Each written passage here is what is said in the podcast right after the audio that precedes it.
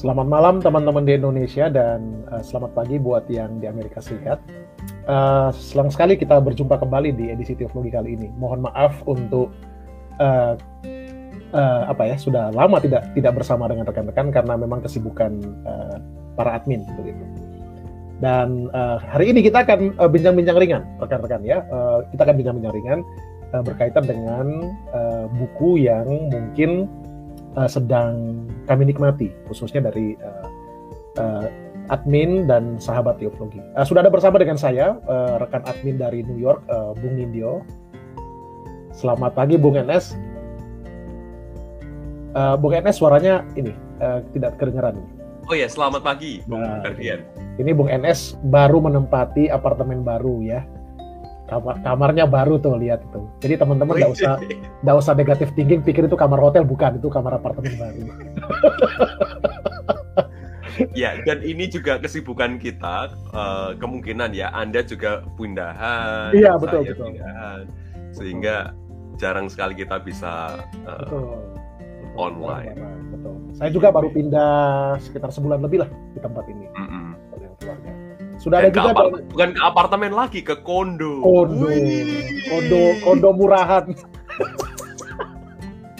Oke. Okay, Brinmore, ya, Brinmore. Iya, kemudian dari San Francisco, rekan kita Arvin dari San Francisco. Selamat pagi Bung Arvin.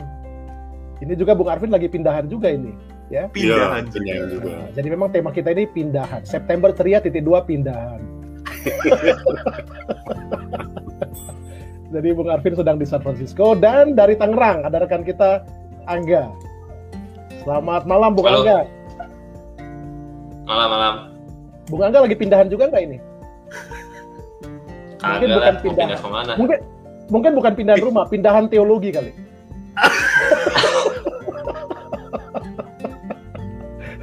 kan itu kan bisa fisik dan bisa metafora. betul betul betul. Oke, okay. Nah teman-teman ini uh, senang sekali bisa bisa bersama-sama dengan rekan-rekan gitu ya. Nah kali ini kita akan uh, diskusi santai gitu ya. Cuma memang kurang enak ini suasana ya, Bung Arvin, Bung NS dan Bung Angga. Kita ini semua kok apa ya patriarki sekali dia, nggak ada cewek ya. Iya. Yeah. Aduh ini kurang asik ini. Ini perlu di queer semua ini. ya mudah-mudahan lah nanti dalam interaksi ada rekan-rekan uh, termasuk yang teman-teman perempuan gitu ya bisa komen juga. Termasuk pemirsa kalau anda punya buku yang mau di-sharingkan di kolom chat juga boleh gitu kan. Jadi uh, bukan cuma kami kita terbuka juga kalau rekan-rekan mau share gitu ya. Uh, apa yang sedang anda nikmati saat ini silakan uh, komen di kolom chat di uh, YouTube channel kami. Baik uh, kita akan berbincang-bincang teman-teman. Oh, monggo silakan uh, siapa yang duluan ingin men-sharingkan apa yang sedang uh, dinikmati saat ini bisa Bung Arvin, bisa Bung NS, bisa Bung Angga dan, dan monggo silakan. Aku dulu kali ya, yang ringan-ringan dulu ya, biar gampang-gampang gitu kan. Iya. Aku mungkin dua buku boleh ya, dua buku ya. Oh boleh boleh, tiga juga boleh. Nah, tiga boleh buku. juga. Tadi pengen sharing satu buku aja, cuman karena sebelum ke sini aku tuh lagi di tengah-tengah uh, apa KTB sebenarnya sama uh, teman-temanku yang lain. Nah kita lagi bahas buku ini. Nih, biar Injili Reform kan? Gospel in Life Timothy Keller. Oh wow. Iya ini buku ini menurutku menarik. Maksudnya uh, menurutku kalau misalnya ada kelompok untuk KTB kelompok temu bersama ya aku ngerasa ini buku yang oke okay buat dibahas bareng-bareng. Uh, basically dia ngebahas tentang kalau kalau tim Keller kan terkenal dengan gospel center movementnya ya bagaimana menaruh Injil di dalam seluruh uh, uh, kehidupan lah aspek kehidupan. Nah jadi dia ngebagi di dalam 8 sesi singkat yang aku suka formatnya dia. Jadi dia setiap minggu ada format dan selain itu dia kayak ada PR-nya, ada kayak pre-class, post-class work-nya gitu. Yang di mana uh, yang aku suka dia cukup reflektif gitu, cukup reflektif, cukup praktik, praktikal dan bahkan dia juga kasih beberapa tugas kayak project-project yang bisa kita kerjakan. Jadi misalnya nih uh, waktu itu kita lagi belajar yang kayak minggu ini kita lagi bahas soal uh, justice tentang kayak keadilan sosial tentang uh, keadilan di masyarakat. Ya selain cuman uh, ngebahas tentu dari Alkitab, ada pembahasan diskusi, dia juga ada kayak ngajak coba dipraktikkan mengerjakan misalnya kamu dengan komunitasmu uh, ambil satu waktu proyek volunteering di uh, sekelilingmu. Jadi ketika misalnya kita ngebahas tadi justice, pentingnya kesetaraan, pentingnya keadilan sosial, nggak cuma dibahas di kelompok kita doang secara kognitif, tapi dia juga ngajak kerjakan sesuatu yang real bagi komunitas di sekitarmu gitu um, untukku sih uh, soal misalnya apa mendalam pembahasan teologisnya bagaimana cara pembacaan Alkitabnya uh, ini menjadi menarik karena untuk kelompokku walaupun sebenarnya kan kadang kalau kita lihat gospel center bisa terkesan membosankan ya. Uh, as in gitu lagi gitu lagi. Kok mirip-mirip setiap minggu Injil ya salib Injil salib tetapi dari pengalamanku bersama kelompokku kita bahas buku ini setiap chapternya bisa sejam dua jam nggak habis-habis ya. Itu tinggal dari kreativitas pembaca ya di dalam uh, menelaah. Karena toh dia kasih dia ada guide uh, apa ada guiding questionsnya dan bisa disesuaikan lah. Uh, kita bisa gali sedalam yang kita mau eksplorasi sebanyak yang kita mau di situ. Itu sih ya untuk buku yang pertama. Menurutku kenapa aku bawa? Karena tadi aku ngerasa uh, benefitnya ada di dalam kelompok KTB Nah, cuma tadi sebenarnya bukan mau pengen sharingin, ini aku lagi suka banget sama Emmanuel Falk. Ini buku yang pertama, judulnya The Guide to Gethsemane, Anxiety, Suffering, Death. Nah, jadi sebenarnya ini bagian dari dia ada tiga buku. Uh, nanti di seri berikut-berikutnya dia ada ngebahas soal um, The Metamorphosis of Finitude, itu buku kedua. Lalu di buku terakhir ada The Wedding Feast of the Lamb. Basically dia ngebahas juga bisa dilihat dari bukunya. Dia ada satu judulnya God the Flesh and the Other. Dia membahas dari uh, sudut pandang fenomenologi ya. Karena Emmanuel Falk ini kan uh, seorang filsuf teolog dari Perancis fenomenologis. Nah di, di buku ini dia bahas apa sih sebenarnya? Nah jadi buku ini yang menarik bagiku karena uh, aku lupa ya waktu itu aku lagi kayak lagi diskusi sama temanku ngebahas soal anxiety soal penderitaan. Klasik lah ya. Uh, lalu biasa kalau kita bahas itu sebagai orang Kristen akan keluar ya teodisi pasti kan. Uh, tapi pada saat itu mungkin karena konteks COVID juga aku pengen cari sudut pandang yang lain yang nggak hanya memberikan alasan rasional dan membela Tuhan gitu ya, tapi melihat dari kenyataan kematian gitu. Nah maka aku jadi tertarik buku ini awalnya iseng aja aku baca preface-nya lalu aku mulai baca. Nah jadi menarik itu karena sebenarnya di buku ini hmm, dimulai dengan si Emmanuel Falk membahas bahwa uh, kematian itu kan sesuatu yang menjadi pergumulan setiap kita karena kan setiap kita pastinya akan mati gitu. Nah jadi dia pengen ngajak kita di, di awal dia mengintroduksi bahwa uh, dia melihat terkadang uh, di dalam kekristenan khususnya kita seakan-akan tidak benar-benar menghadapi kematian, uh, tetapi kita lebih kayak ingin terburu-buru kabur dari kematian. Karena kan di kekristenan gitu ya, kita mati, terus nanti kita dapat pengharapan kebangkitan di dunia nantinya gitu. Nah, di sini dia mengajak kita untuk jangan kabur, tetapi untuk melihat, menerima kayak face to face with death, uh, the raw and brutality of death and finitude itself.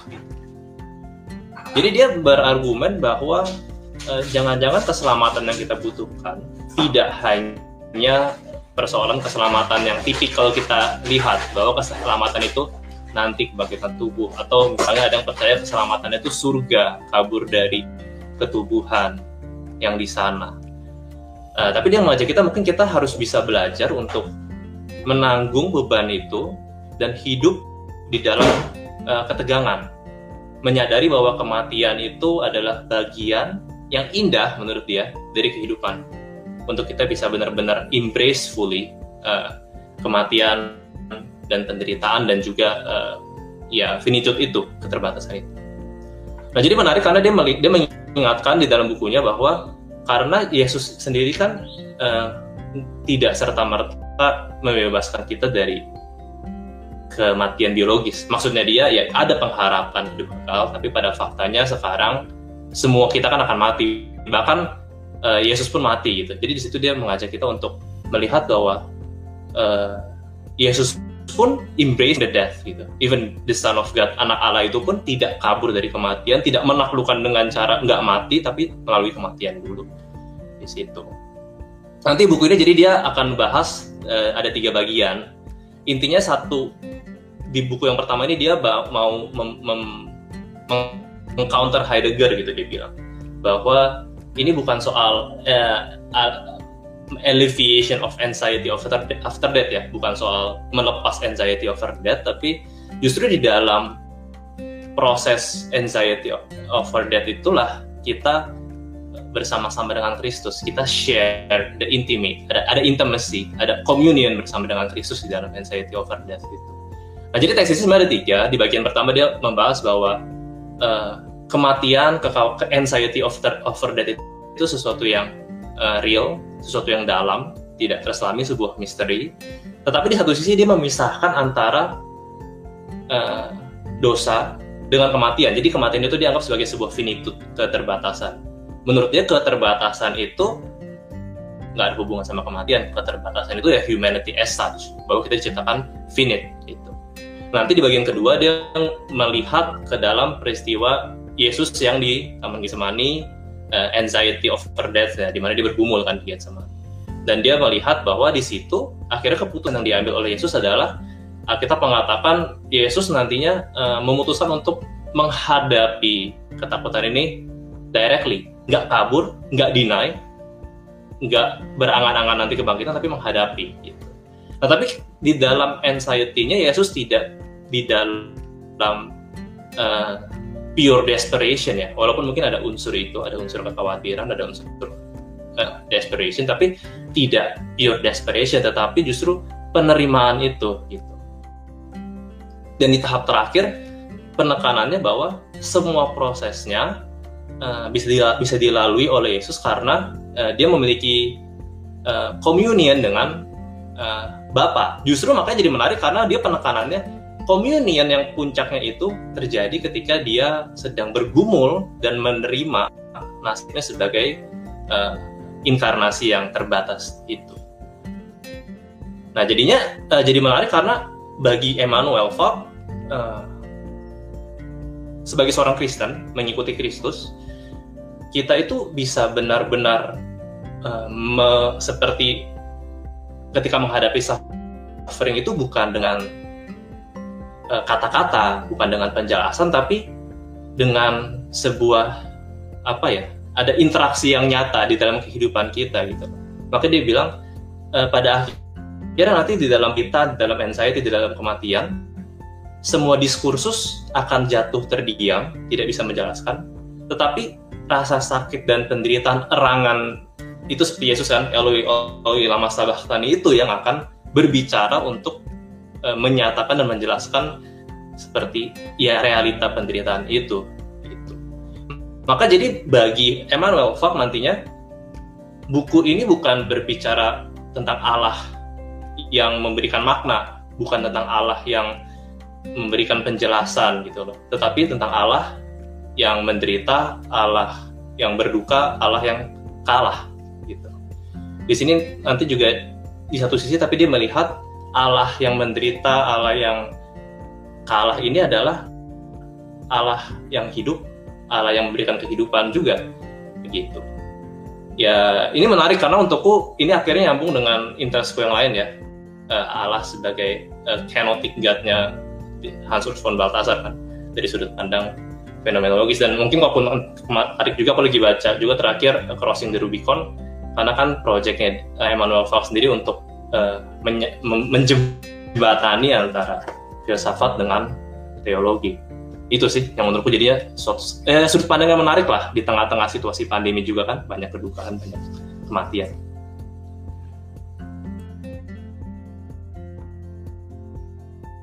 Thank you, thank you Bro Angga. Kalau saya boleh tanya mungkin apa ya yang praktis-praktis aja lah jadi kira-kira selain tadi Anda sudah bilang soal pandemi gitu, apa apa kontribusi dari apa pandangan Emmanuel Falk ini khususnya kepada kehidupan bergereja gitu, kehidupan berjemaat atau interaksi kita khususnya dengan apa ya injustices yang terjadi di sekitar kita gitu.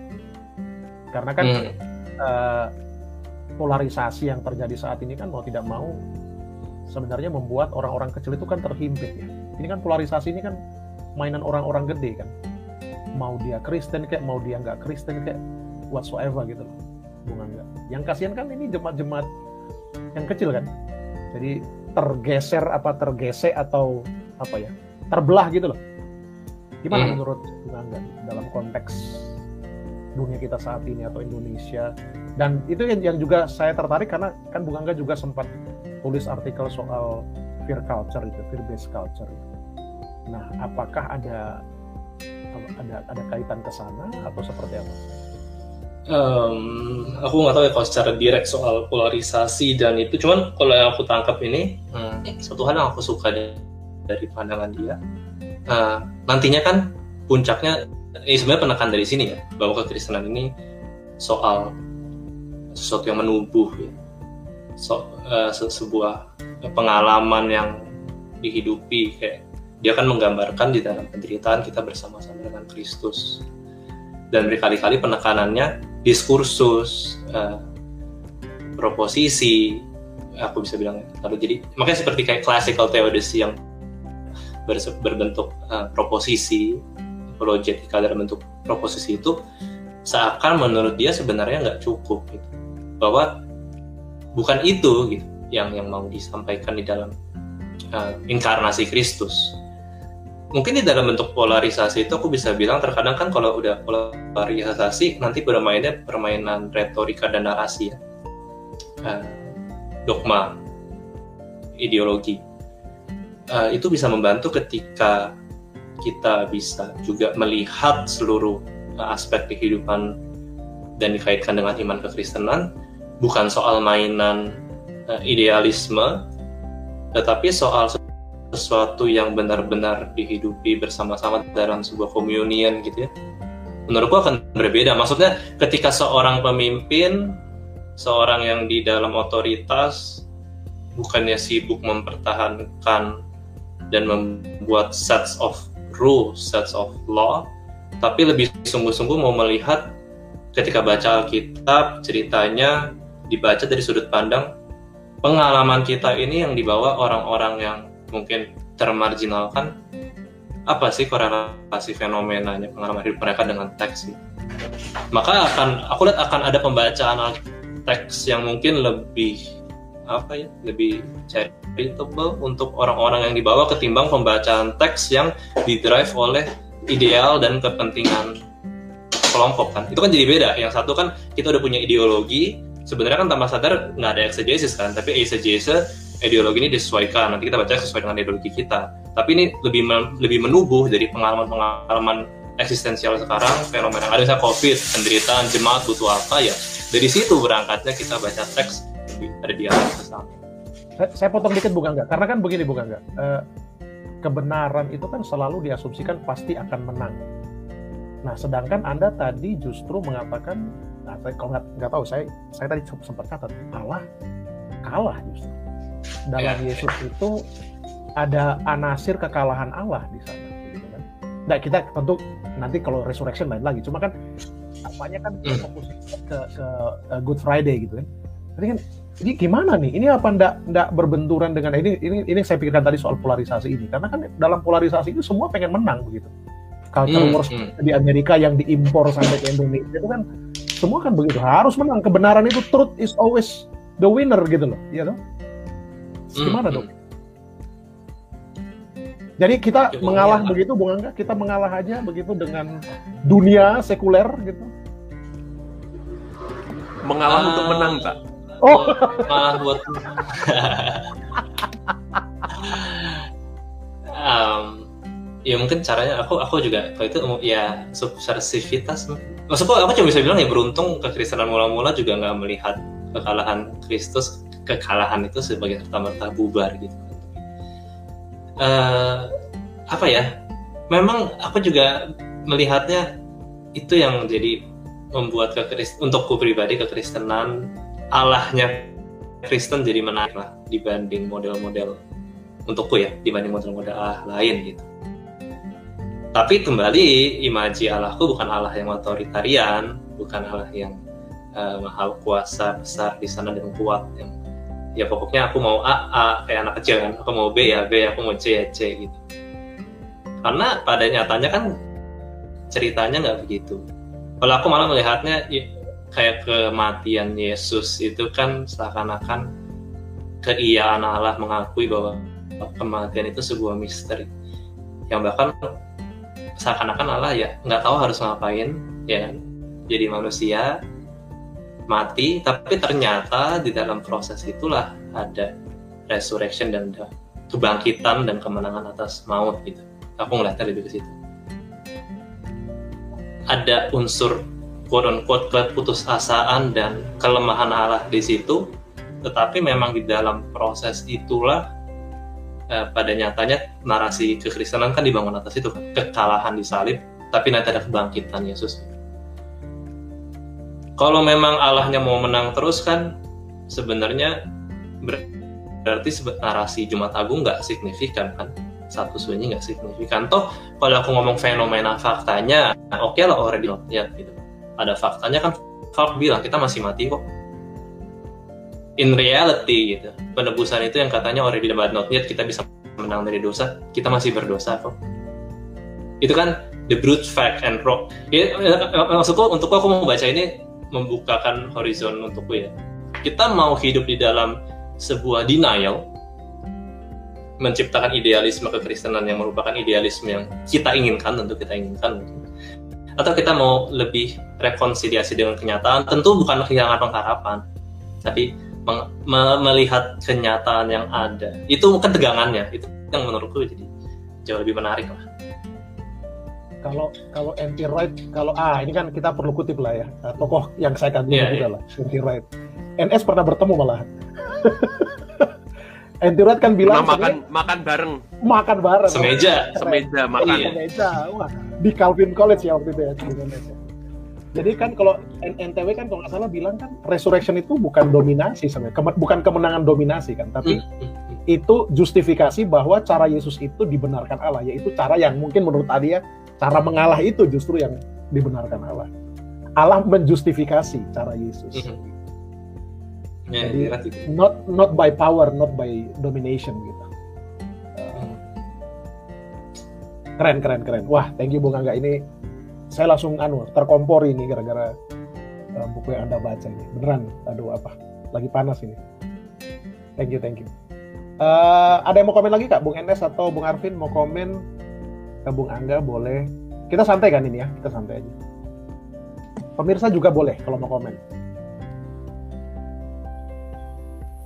Ya, bukunya buku itu Immanuel uh, memang bagus. Soalnya konteksnya dia jawab Heidegger ya. Basically teologi setelah Heidegger harus berubah begitu kan di mana kita nggak bisa main metafisika, main teori filsafat yang abstrak-abstrak, tapi lepas dari kenyataannya, dari fenomenanya, begitu kan, dari keadaan eksistensial kita sebagai desain. Makanya kalau kita pakai agama, mengkonstruksi teologi kematian itu apa, nanti akan bagaimana, dan lain macam sebagainya, akhirnya ya nggak nyata, kita akhirnya hidupnya tidak otentik, gitu kan. Uh, komplain dari Heidegger ke Kristenan itu bukanlah agama yang membantu ya boleh bilang agak mengembangkan mengembangkan Marx juga gitu kan.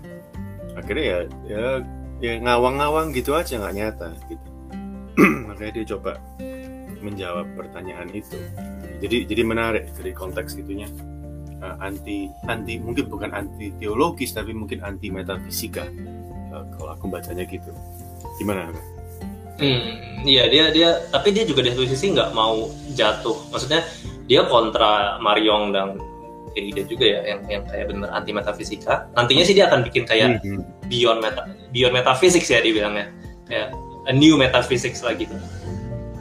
Dan memang menarik dia nulis buku ini kan di pada prosesnya ada kematian dua orang sahabatnya pas dia lagi nulis buku ini. Jadi ada pengalaman pribadi juga di sana tentang kematian.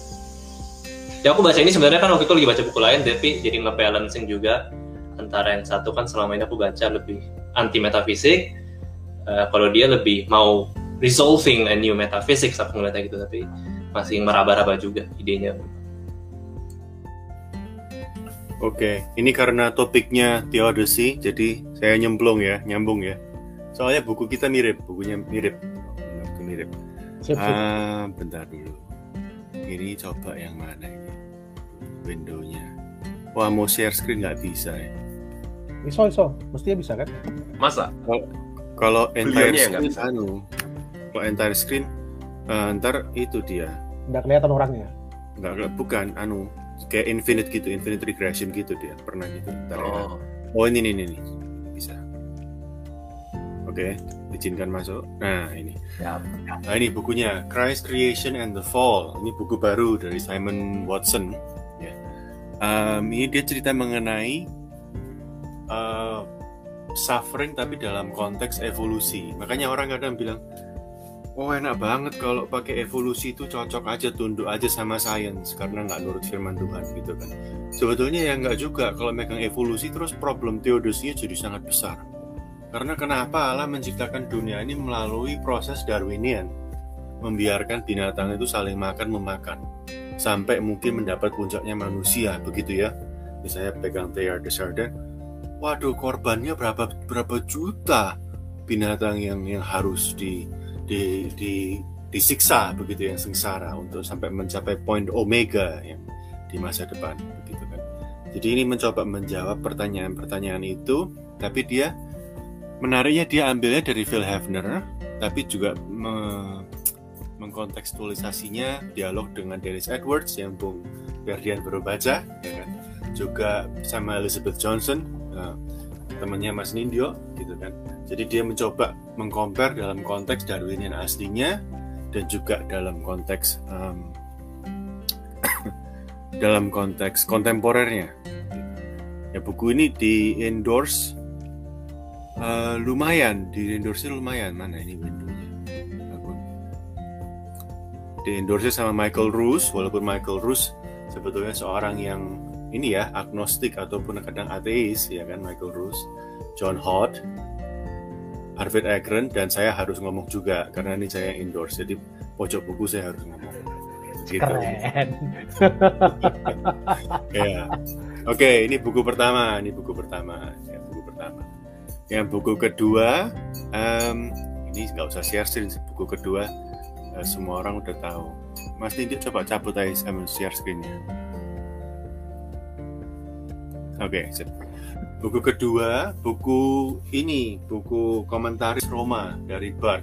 Karena di KBI bahas ini, Bung DS yang mau bahas mengenai komentaris Roma dan itu buat saya menarik karena komentaris Romanya Bart itu kan salah satu komentaris pertama yang melawan um, kriti- historical criticism, melawan teologi liberal. Kamu bingung-bingung baca Alkitab, pengen tahu ini teksnya aslinya apa, grammarnya apa, bahasanya apa, tapi message-nya terhilang. Nah ini komplainnya Bart begitu kan. Jadi dia mengkritik guru-gurunya yang lama, von Harnack, Bultmann dikritik begitu. Nah itu um, Romans itu menariknya karena ada input teologisnya mungkin menarik dalam konteks modern misalnya theological interpretation of scripture begitu kan tapi juga menarik juga karena ada unsur-unsur apokaliptiknya yang masuk di situ yang sekarang banyak dibahas oleh para scholars misalnya Douglas Campbell yang dari Duke Beverly Gaventa dari Taylor yang yang yang masih memegang um, alur apokaliptik dalam pembacaan Roma gitu. Tapi tentu saja pembacaan kutipan um, komentaris Romanya Bart itu banyak problemnya. Jadi kalau menurut saya itu buku yang enak dibaca buat beginner karena kayak baca khotbah, seenaknya aja kalau ngomong gitu. Makanya dulu kalau nggak salah dikritik, dikritik sama Boltman terus sama oh sama Emil Brunner dibilang begini. Tolong ya, kalau ngomong bedakan apa yang kamu ngomong sama apa yang Tuhan ngomong. Kamu bukan Tuhan, Carl. Begitu. Dibilang begitu. Soalnya ngomong seenaknya aja langsung baca rumah, dia eisegesis semua, boleh dibilang begitu kan. Ya Bart bilang, nggak apa-apa, kalau komentaris yang benar itu harus mengenal pengarangnya Paulus sam sampai aku bisa ngomong sebagai Paulus di zaman sekarang kata Bart. Jadi nggak apa-apa ngomong seperti ini. Kan aku adalah budak Allah seperti Paulus. Ah, begitu kan. Bart. Ya, tapi Emil Brunner bilang, ya tapi kamu bukan Allah, kamu budak Allah, ingat ya, gitu. Jadi jadi ini kritik yang modern sekarang juga biblical scholarship bilang nggak bisa dipakai Bart itu. Seenaknya aja interpretasi. Footnote juga nggak ada. Nah jadi kalau baca komentaris Bart gitu kan sebagai kayak khotbah ada insight-insight tertentu tapi jangan sampai PhD ngarangnya Bart begitu ya biblical studies nggak bakal lulus gitu ya, di mana-mana ya. mungkin ada beberapa lah ya mungkin kayak Chris gitu suka begitu ya tapi rata-rata enggak ya udah itu dua buku yang satu Bart yang satu um, Theodicy Evolutionary Theodicy keren. Wow. itu uh, kalau komentar nih komentar berarti uh, Bung Arvin itu juga menyentil para pengkhotbah ini bahwa pengkhotbah itu seringnya ngawur begitu kan. Masa iya? Tapi dipercaya tapi dipercaya. Eh pengkhotbah berarti yang pakai footnote. Nah kalau sarjana itu pakai footnote supaya ngawurnya nggak kelihatan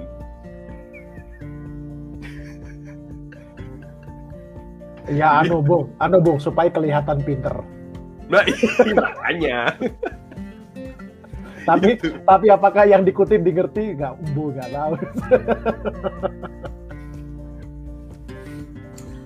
pertanyaanku kalau gitu ke Arvin apa yang bikin komentari Roma Calvert jadi sesuatu yang menarik dan populer? Aku nggak aku nggak tahu siapa pernah. Cuma kayak well known lah ya.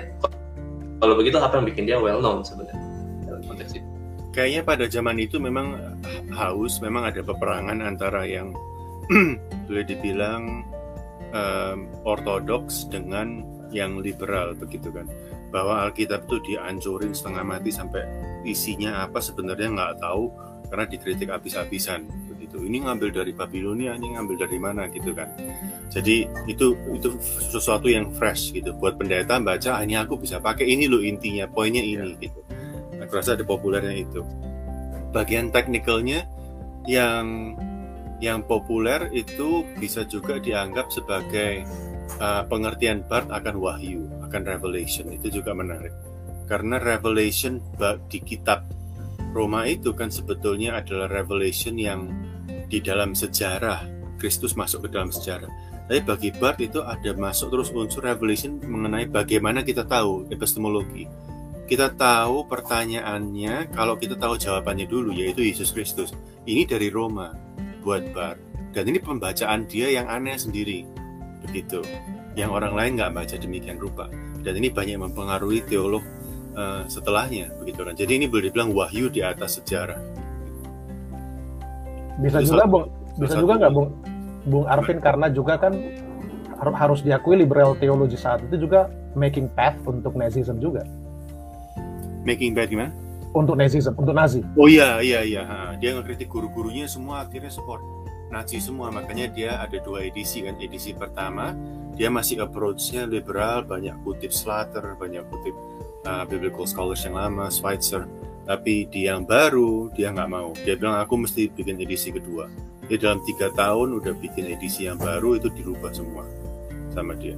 Gitu. Diperkeras. Dia bilang, ah ini yang menarik. Dia bilang, aku ngarang komentaris Roma edisi pertama ini kok semua orang happy ya? Kok komentarisnya bagus semua ya? Berarti poinku nggak nyampe. Aku ngarang ini mestinya ngamuk semua dunia teologi sini gitu. Aku mesti ngarang lebih keras lagi edisi kedua begitu. Itu menarik. Oh, berarti ada testing the waternya gitu dulu ya. Itu loh. Mbak. mungkin pelajaran penting itu loh. Kalau nulis gitu loh. Kalau nggak bikin orang ngamuk, Iya. Mas Anes mute mas waktu dia revisi itu dia sudah menjadi profesor atau dia masih di Savonville Udah. Oh, jadi dia pas di akhir di Savonville. Dia di Savonville 1911 sampai 1921. Itu edisi pertama tahun 1918, edisi kedua tahun 1921. Mhm. Jadi juga ada Mengapa? unsur sosialisnya juga di situ. Di, Oh, oh, oh, oh. di- Mengapa saya bertanya begitu? Karena ada ada ada beberapa kemungkinan tentu, tentu saja. Yang pertama, eh, dia masuk Savonville kan setelah doktoral begitu kan. Mungkin dia masih masih ke bawah-bawah eh, doktoratnya itu sehingga dia harus kutip sana sini sana sini. Tapi mungkin setelah dia eh, berjalan di di di gereja eh, bergumul dengan jemaat, maka lebih banyak memang ya tadi eh, boleh dikatakan eh, ngomong apa yang menjadi isi hatinya begitu kan dan itu banyak ter- terjadi di di mana-mana dan kemungkinan juga semacam apa ya semacam uh, pergeseran begitu dari yang uh, uh, mau highly technical kepada yang memang lebih praktis dan betul yang dikatakan oleh Bung Arvin tadi pokoknya uh, suaraku sasaranku itu tercapai. Goalku tercapai dengan aku menulis ini begitu. Tapi juga menarik juga uh, ketika dia refleksi uh, kembali mengapa orang happy uh, dan dia harus menulis lebih keras itu kan memang uh, unsur uh, revolusioner Bart itu yang memang tidak bisa dipisahkan uh, begitu. Iya, dan, dan karena Bung Enes bahas sejarahnya, saya juga jadi ingat tahun-tahun itu kan dia pertamanya itu dia respon terhadap Nazi yang jelas ya. Tapi dia juga respon terhadap karena dia aktif di Socialist Party ya, di, di di, di sana di Sevenville dia terus takut bahwa kita harus ngikut sos, um, doktrin sosialisme. Dan pada tahun itu kan itu ada revolusi di Rusia Lenin. Itu kan sarnya jatuh. Ya kan? Itu kan tahun 1915 1915 1917 itu puncaknya begitu kan. Makanya dia mau menyatakan eh enggak lo ya nggak bisa begitu ya. Itu itu terlalu terlalu keras itu terlalu radikal. Jadi juga ada unsur-unsur itu. Dia malah di satu komentaris bilang ini bukan Leninisme ini tadi Bung DS yang yang yang lebih lebih iya menarik menarik tetapi uh, poin yang tadi juga Bung uh, Arvin katakan bahwa di dalam Romer briefnya Bart itu dia melihat uh, wahyu di atas sejarah ini kan sebenarnya yang saya dengar itu kan dia sebenarnya kontra Hegel ini kalau begitu. Dan nggak tahu apakah benar atau dia pembacaannya justru dengan demikian dia lebih dekat kepada Kant. Begitu. Benar nggak, iya. Bu? Iya, jadi ini ini macam-macam. Um, mengenai kontra Hegel, iya kontra Hegel, tapi masih memakai grammar Hegel. Ini yang dibahas sama Alex Sang minggu lalu yang ngarang buku itu bahwa perbedaannya kalau Hegel itu being um, God itu sebagai being as act begitu. Tapi kalau Barth itu masih beingnya in act, beingnya masih intact metafisikanya, tidak terlibat dalam sejarah sampai proses filsafat Paul enggak bagi Barth. Jadi itu ada anti Hegeliannya di situ. Ada kantiannya dalam hal epistemologi ini karena dia terpengaruh neo kantian Marburg. Memang ada epistemologi seperti yang saya bilang tadi wahyu itu kita tahu jawabannya baru kita tahu uh, pertanyaannya problemnya apa baru kita tahu. Itu ada unsur kantian epistemologinya di situ. Ada. Tapi yang urusan revelation wahyu dan sejarah dia pada waktu nulis itu dia terpengaruh oleh uh, saudaranya sendiri. Yang waktu itu banyak membahas mengenai filsafatnya Agustinus dan juga filsafatnya Plato. Dan di Plato kan ada dualisme. Ada dua ada dua waktu. Dan itu kategori itu masuk ke bar. Jadi itu idealisme dari Plato terus ke tradisi Augustinian itu itu masuk. Dan memang kan teolog yang dikutip sama Bar paling banyak kan Agustinus. Lebih daripada Luther dan Calvin. 500 kali di di Kayaknya kayaknya Bart itu lulusan Villanova deh. ya, mungkin kalau dia hidup mungkin diundang ke sini, Bung. Jadi profesor di sini. Bung Arvin, saya mau tanya yang buku pertama tadi Anda belum jelaskan. Uh, tadi kan lebih banyak Anda cerita soal apa ya penulisnya dan kira bisa bisa sedikit sharing nggak uh, excerptnya gitu kira-kira uh, intisarinya gitu Bung. Uh, apa yang dia katakan dalam kaitan antara suffering dengan evolusi karena ya seperti yang saya pernah kita pernah chat juga ya Bung Arvin ya waktu saya sharing di story itu uh, yang menarik kan Dennis Edwards itu melihat bahwa uh, tapi dia tidak jatuh ke teologi proses ya. Uh, ya tapi tetap melihat bahwa ya it's part of kalau nggak salah dia nulis ada satu subtitle itu the cost of evolution kan. Di di bab satu atau bab duanya gitu ada the cost of evolution. Jadi jadi jadi seolah-olah itu dan itu itu yang sebenarnya kami di kelas kemarin banyak pertanyakan Bung Bung Arvin. Nah kalau begitu bagaimana dengan suffering yang kan oke okay lah suffering ada dua ya, ada yang by nature, ada yang by design kan, uh, oppression gitu. Nah terus bagaimana dong dengan kenyataan oppression yang tadi anda mungkin bahasakan dengan makan memakan tadi gitu. Apakah itu dimungkinkan? Nah kemudian kalau kalau kalau kemarin kami dengar dari Prof kami bilang uh, conscience di situ yang yang yang membedakan begitu. Ada conscience. Jadi pada saat by design itu ada conscience di situ. Gimana kalau saya nggak tahu apakah itu juga dibahas di buku itu, Bung Iya, pembahasannya agak agak rumit karena dia basically bilang ada unsur teleologis di dalam Darwin yaitu survival. Dan itu adalah framework Victorian. Dan itu adalah framework juga yang banyak dipakai oleh teolog sekarang. Misalnya Dennis Edwards itu kan bentuknya nature is cruciform begitu kan. Udah gitu Elizabeth Johnson juga nature is, is cruciform walaupun mungkin agak beda sedikit variasinya. Tapi karena ini adalah suatu model yang agak deterministik maka itu dibahas ini ada ada proses deterministiknya di sini ada ada ada theater jargonnya di sini dan saya rasa dia kalau pegang Phil Hefner dia agak ngomong belum tentu karena sebagai co-creator itu ada kebebasan yang lebih open gitu. hmm. karena Phil Hefner hmm. sama Ted itu kan lebih modelnya lebih Pannenberg kan jadi itu kebebasannya itu betul-betul uh, radikal begitu tidak semuanya terkontrol. Jadi ini memang selalu ada masalah dan di judul buku dia itu Christ Creation and the Fall berarti ada the fall. Ini melawan teolog teolog yang lebih dominan boleh saya bilang yaitu Celia Dean Drummond sama Christopher Southgate. Ya kan? Mereka punya teologi itu without the fall. Memang ya. ciptaan ya. seperti ini ya. harus melewati proses ini gitu. Jadi tidak ada itu yang namanya historical fall dan dia ingin menjaga fall gitu. Ini jadi dia kontemporernya boleh dibilang juga bantah Bethany Soul Rider gitu, yang juga tanpa fall. Gitu. Ini saya bahas mengenai model-model um, evolutionary theology ini di talk saya di IRIS itu ada enam saya bahas Dennis Edwards juga masuk di situ. Ada yang pakai fall, ada yang nggak pakai fall. Hmm. Apakah berarti dia mengatakan dalam proses evolusi sebelum ada manusia itu pun ada fall? Iya, dia dia dia mau pegang fall. dia, itu itu itu wow. penting buat itu penting buat dosa dan itu penting buat buat cruciformnya. Kalau enggak untuk untuk apa? Menarik. Ya. Wow. Thank you, bacaan saya begitu. Wow. Thank you, thank you. Ada yang komen Bung NS atau Bung Abel? Angga mau komen lagi? Susah ya. susah apanya Bel? Bacaannya susah. Lebih susah Angga tadi buku-bukunya Angga. Iya, Angga itu susah sekali loh buku-bukunya itu. Dua buku. Gospelin lah. berat ya. Enggak, maksudnya berat melakukannya enggak? Oke, okay, thank you Bung Arvin untuk sharing dua bukunya yang uh, sangat mencerahkan ya. Uh, kemudian ini ada kita ada Bung NS dan Bung Abel yang belum. Selamat datang Bung Abel. Baru iya. lagi capek-capeknya ya. Iya, saya kerja late night jadi baru bangun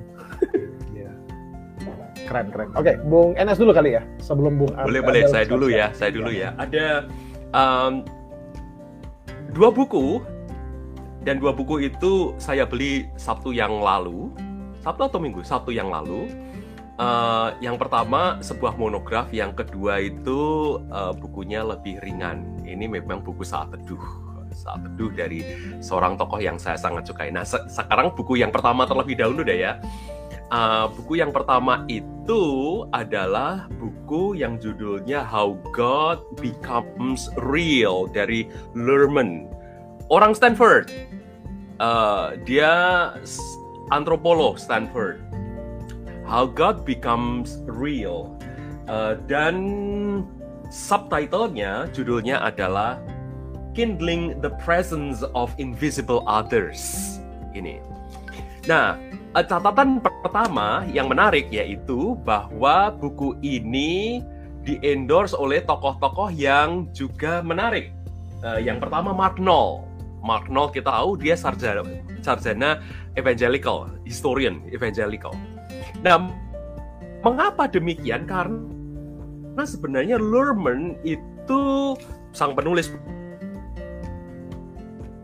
buku ini uh, sinya di evangelical circles. Begitu di kalangan evangelical circles. Walaupun dia bukan teolog ya jadi tidak ada kait mengaitnya sama belief sama teologinya um, teo, uh, apa namanya evangelical. Tapi Mark Knoll di sini memberikan endorsement. Lalu yang kedua Molly Worthen dan Molly Worthen itu Uh, dia di di UNC Chapel Hill, uh, seorang historian juga. Uh, dan kalau tidak salah, Molly Wharton itu menulis mengenai masalah otoritas di kelompok Injili, di kalangan Injili uh, Amerika dalam sejarah. Uh, ya benar, Apostle of Reason, The Crisis of Authority in American Evangelicalism, uh, yaitu Molly Wharton. Lalu uh, yang ketiga ini sarjana Muslim Amira Mittermeier, uh, God of God, uh, Giving to God, Islamic Charity in Revolutionary uh, Times, dan yang keempat ini Pascal Boyer. Uh, kayaknya Pascal Boyer juga seorang apa ini seorang historian atau seorang uh, ya seorang historian sebenarnya ya. Nah, apa yang ditulis oleh Molly uh, bukan Molly, T.M. Lurman ini tanya Marie Lurman ini uh, sebenarnya bicara mengenai ini dia mau berargu bahwa faith itu lebih penting daripada belief. Nah, yang menjadi kata kunci di sini sebenarnya di buku ini adalah bagaimana Allah itu menjadi real dan itu berarti kuncinya adalah bagaimana making real God begitu. Nah, tetapi karena dia seorang antropolog, maka dia membuat kajian untuk menulis buku ini secara etnografis. Jadi dia tidak hanya meneliti satu komunitas, tetapi komunitas-komunitas yang berbeda. Termasuk juga di sini dia tulis um, evangelical Christians masuk karena dia fokusnya di sana.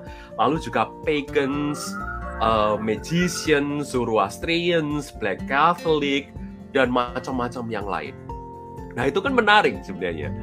Mengapa si penulis ini orientasinya justru melihat komunitas-komunitas yang berbeda. Karena bagi dia, dia mau mengatakan, dia mau mencari begini, gimana sih sebenarnya pengalaman-pengalaman orang-orang tersebut uh, ketika mereka itu percaya kepada Allah.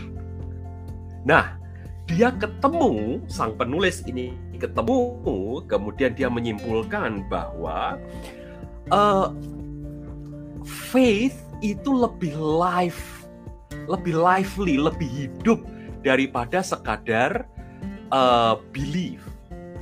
Lalu dia juga menunjukkan bahwa aktivitas aktivitas religius itu tidak bisa dipandang remeh. Begitu. Jadi seperti misalnya uh, pengalaman rohani, doa, Nah, jadi dia juga melihat misalnya kenapa ada banyak pengalaman-pengalaman orang yang mengaku bahwa mereka itu ketika berdoa mereka itu sembuh. Apakah ini sesuatu yang yang yang omong kosong? Enggak, begitu. Dia temukan bahwa uh, yang namanya doa itu tidak kalah rendahnya daripada uh, apa ya namanya terapi, begitu. Nah, itu justru membuktikan bahwa yang namanya keberagamaan uh, atau iman itu adalah sesuatu yang hidup. Nah, itu itu yang dia dia mau sebutkan di sini. Nah, dengan kata lain kalau begitu take away saya adalah teman-teman yaitu uh, tiba-tiba saya lupa sebentar take away saya itu begini oh ya ini kalau kita bertanya kembali mengenai mana lebih dahulu daripada mana, apakah kalau begitu teologi itu mendahului praktik? Nah, itu kan kita beberapa kali uh, diskusikan itu kan. Nah, menarik kalau seorang sarjana antropolog uh, agama ini melihat bahwa yang namanya uh, experience, yang namanya doa, yang namanya uh, story, storytelling itu merupakan bagian dari iman. Nah, kalau begitu, dan dia juga menyimpulkan bahwa uh, faith is harder than belief. Nah, itu berarti bahwa sebenarnya pengalaman-pengalaman ini yang mendahului dari yang disebut sebagai belief. Dengan kata lain, bagi saya seorang teolog, take away saya adalah Loh kalau begitu nggak masalah sebenarnya kalau teologi itu datang lebih kemudian daripada pengalaman-pengalaman rohani, termasuk juga doa, uh, uh, apa namanya uh, aktivitas-aktivitas yang kita bisa sebutkan ketika kita beragama. Nah, yang bikin masalah siapa?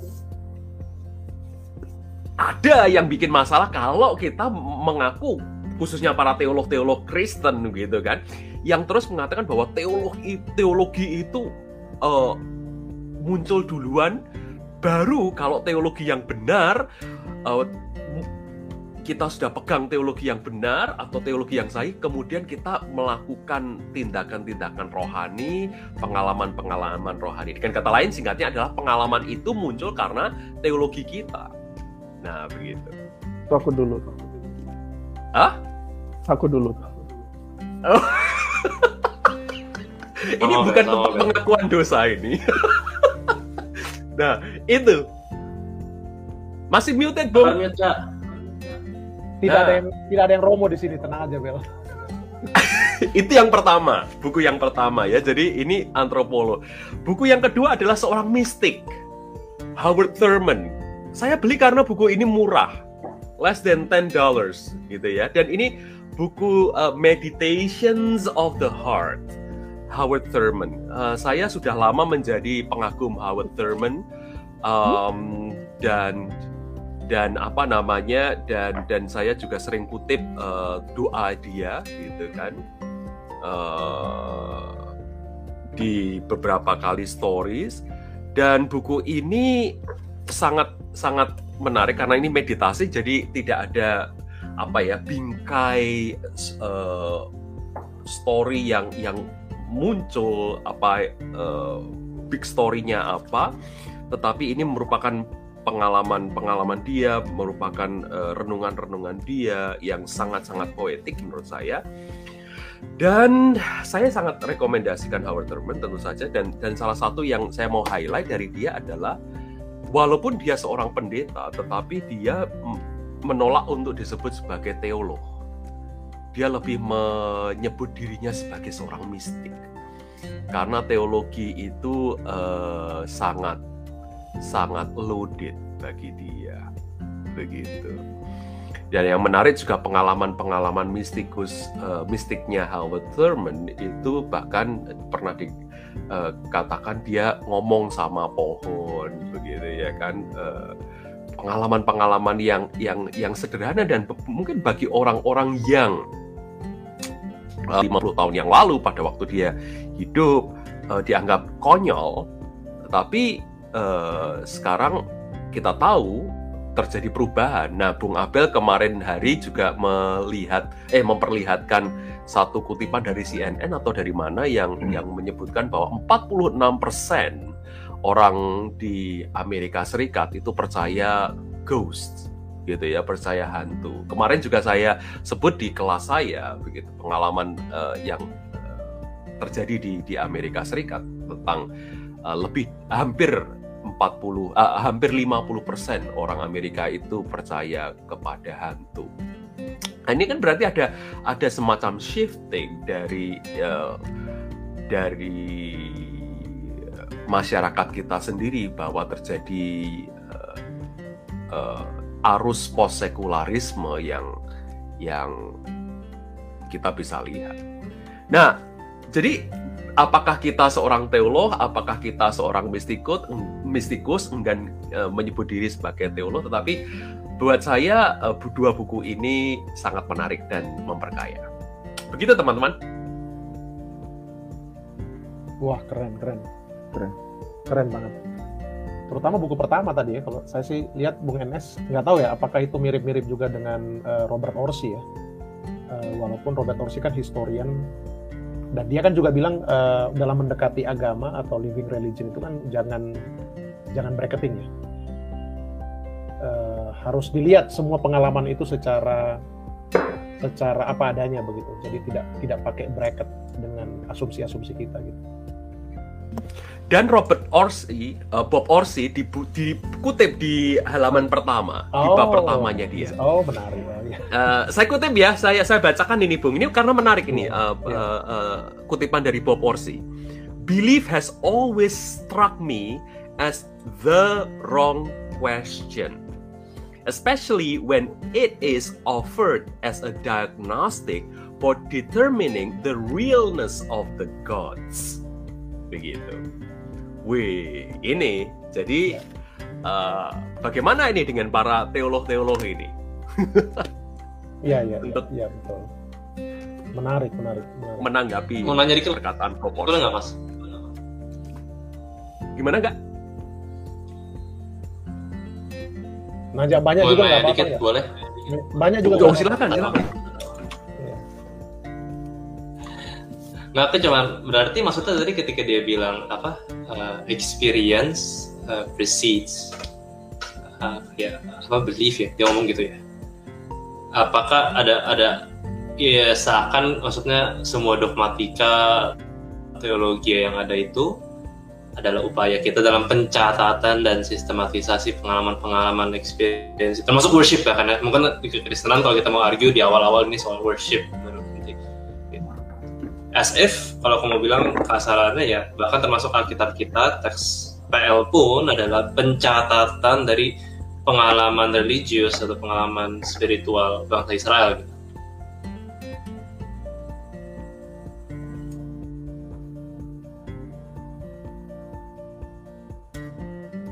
Ya, Mute, mute. eh, menarik Bung, Bung Angga. Ya, menarik Bung Angga.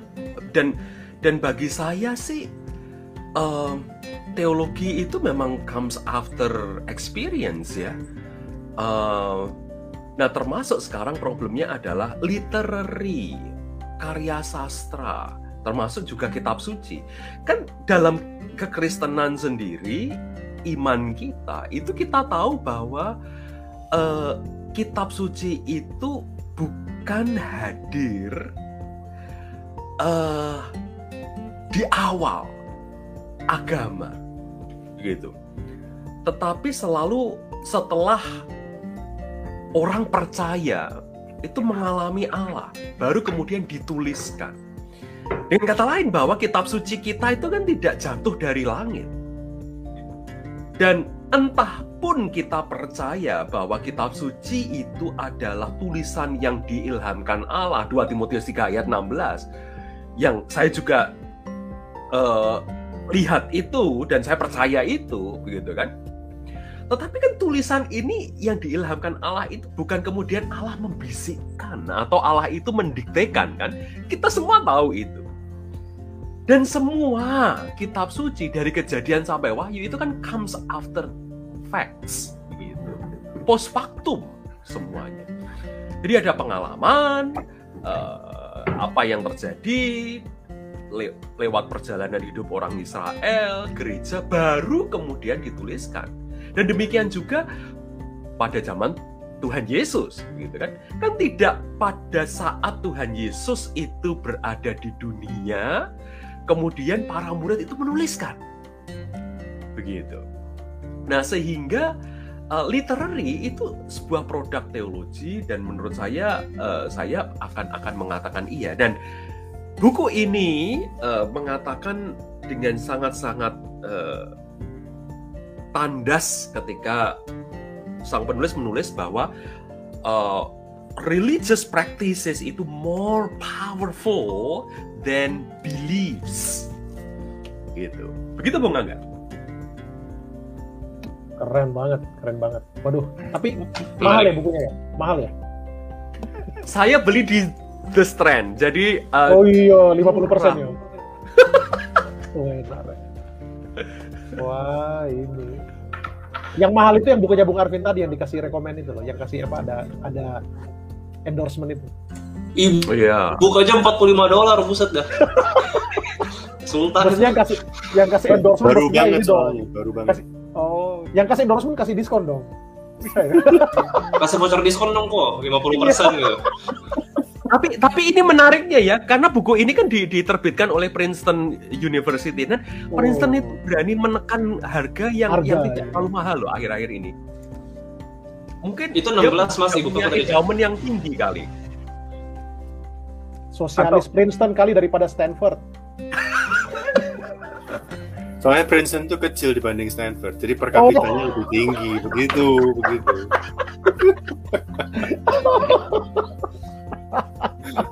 Iya, Mas, aku mau respon yang tentang apa namanya Silakan. spiritualitas. Eh, kebetulan ya belakangan kan, eh, bukan belakangan semester ini eh, belajar teologi, antropologi, teologi sama Shelley Rambo itu mayoritas eh, soal Howard Thurman gitu dan aku melihat eh, gimana dia sangat mempengaruhi Shelley Rambo. Nah, aku mau agak mundur Howard Thurman dipengaruhi oleh siapa dengan eh, gaya berpikirnya eh, yang sangat mistik eh, menurut Mas Indra tadi. Jadi dia itu eh, ternyata dia di, eh, nggak ditulis, dia nggak pernah nulis secara detail, tapi dia pernah ngasih eh, apa semacam eh, endorsement apa namanya ya, preface gitu, Eh, preface ke sebuah karya sastra gitu. Nah, Olive Schreiner eh, cerita tentang The Hunter itu tuh bagus sekali Eh, eh, dan tulisannya imajinatif sekali. Nah, eh, intinya imajinasi tentang perjalanan hidup manusia yang mencari burung nama burungnya itu adalah kebenaran gitu. Dan eh, sampai di titik tertentu si pencari itu udah tidak bisa dibantu oleh the wisdom orang tua yang menolong dia. Akhirnya dia jalan sendiri. Nah dia tidak bisa menemukan kebenaran itu di mana terus dia mati ketika naik gunung tapi dia percaya setelah ini orang akan mengikuti eh, apa namanya jejak- jejakku dan aku mendengar langkah mereka terus dia mati. Nah kira-kira ada semacam struggle di dalam eh, diri Thurman ketika dia sebagai seorang mistik tapi juga jangan lupa pemikir eh, liberasi gitu. Jadi perannya eh, di seti- setidaknya New England ini kan dulu kan eh, sangat-sangat ini kan berpihak pada kulit hitam. Banyak inisiasi di Boston atau khususnya Boston Uni eh, juga karena itu. Nah, sehingga bisa jadi, bisa jadi. Ini aku menduga- menduga-duga, ya, bisa jadi zaman dulu Terman, Terman itu jadi sangat-sangat aneh gitu perilakunya ketimbang yang lain gitu. Bisa ngambil keputusan tiba-tiba out of nothing gitu kan. Terus bisa sangat-sangat apofatik gitu. Tapi juga sangat-sangat kencang bersuara ketika eh, Biu udah mulai melenceng menurut dia dulu gitu. Sampai ada cerita dia ke Boston Common sana ke mall gitu naik eskalator naik turun lagi. Naik turun lagi. Dan itu momen merenung katanya. Naik turun eskalator. I mean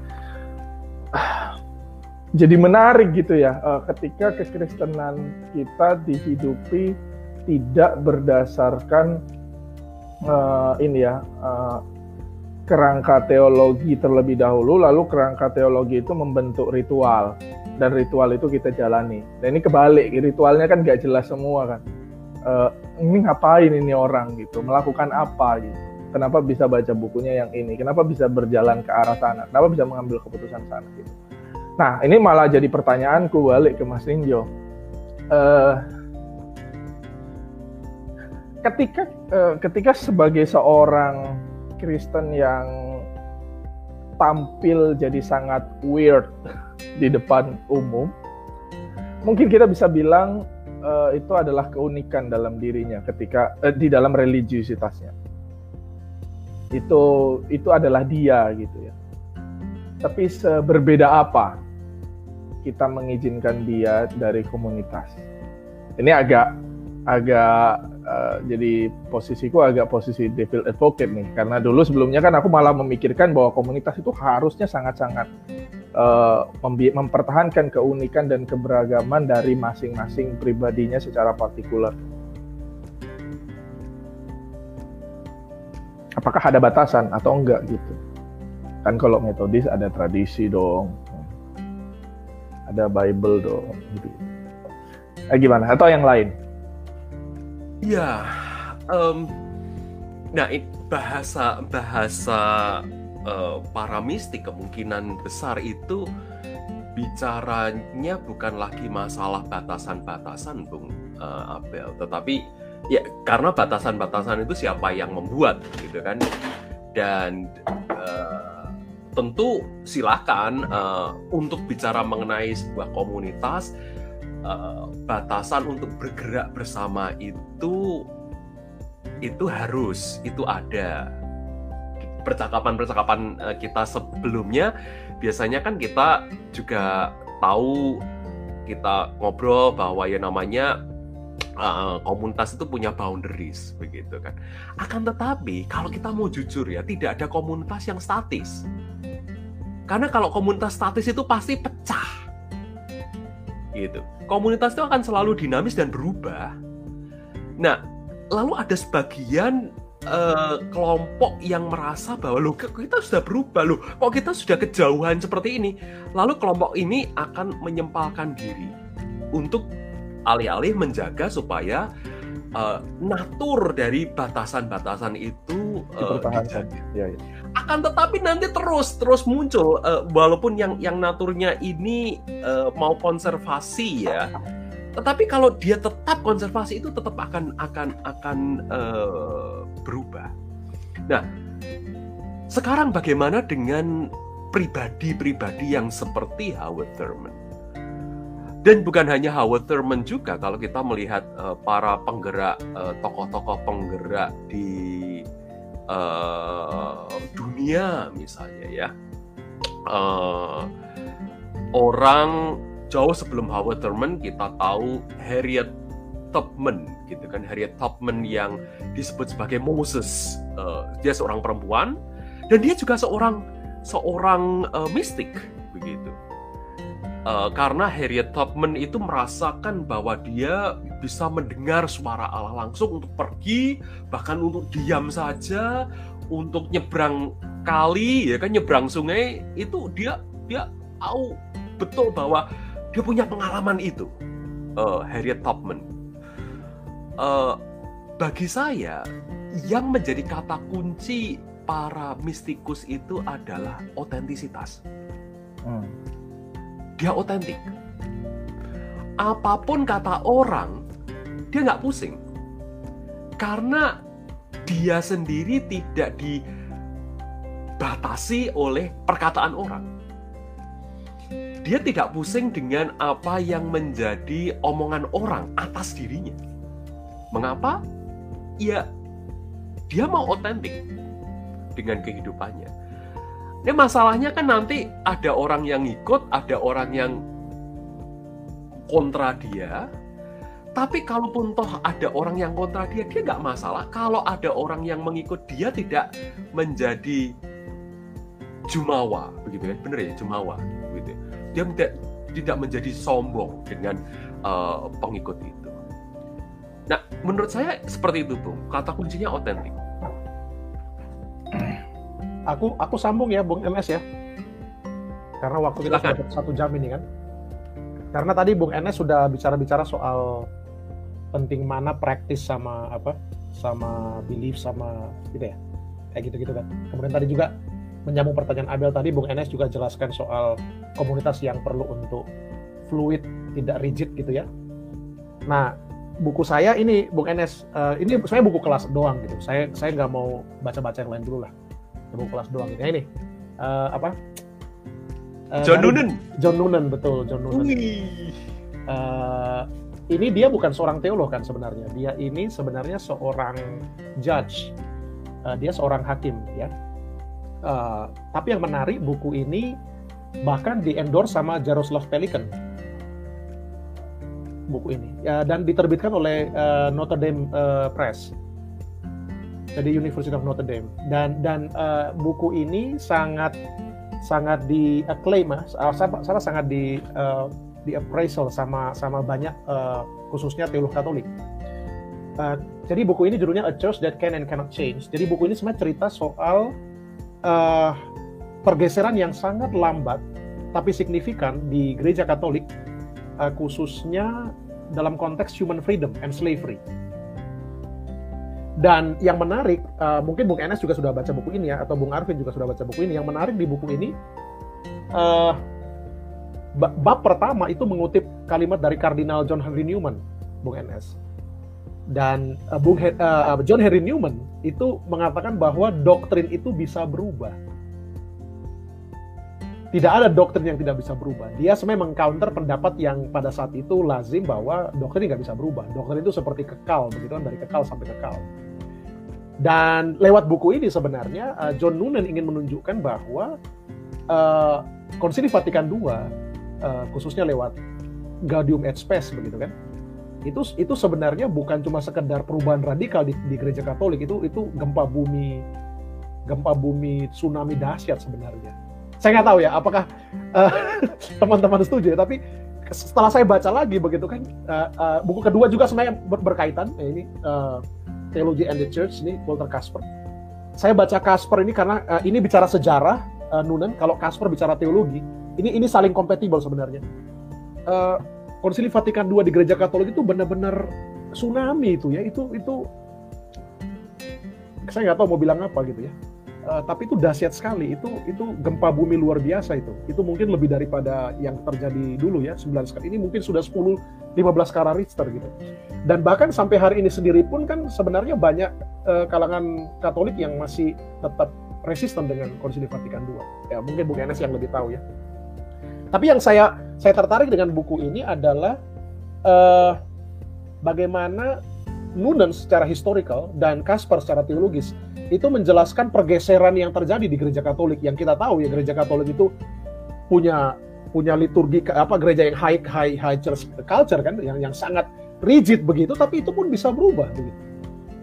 Uh, jadi misalnya contoh uh, dulu kan uh, misalnya ada pandangan bahwa slavery itu tidak intrinsically evil gitu.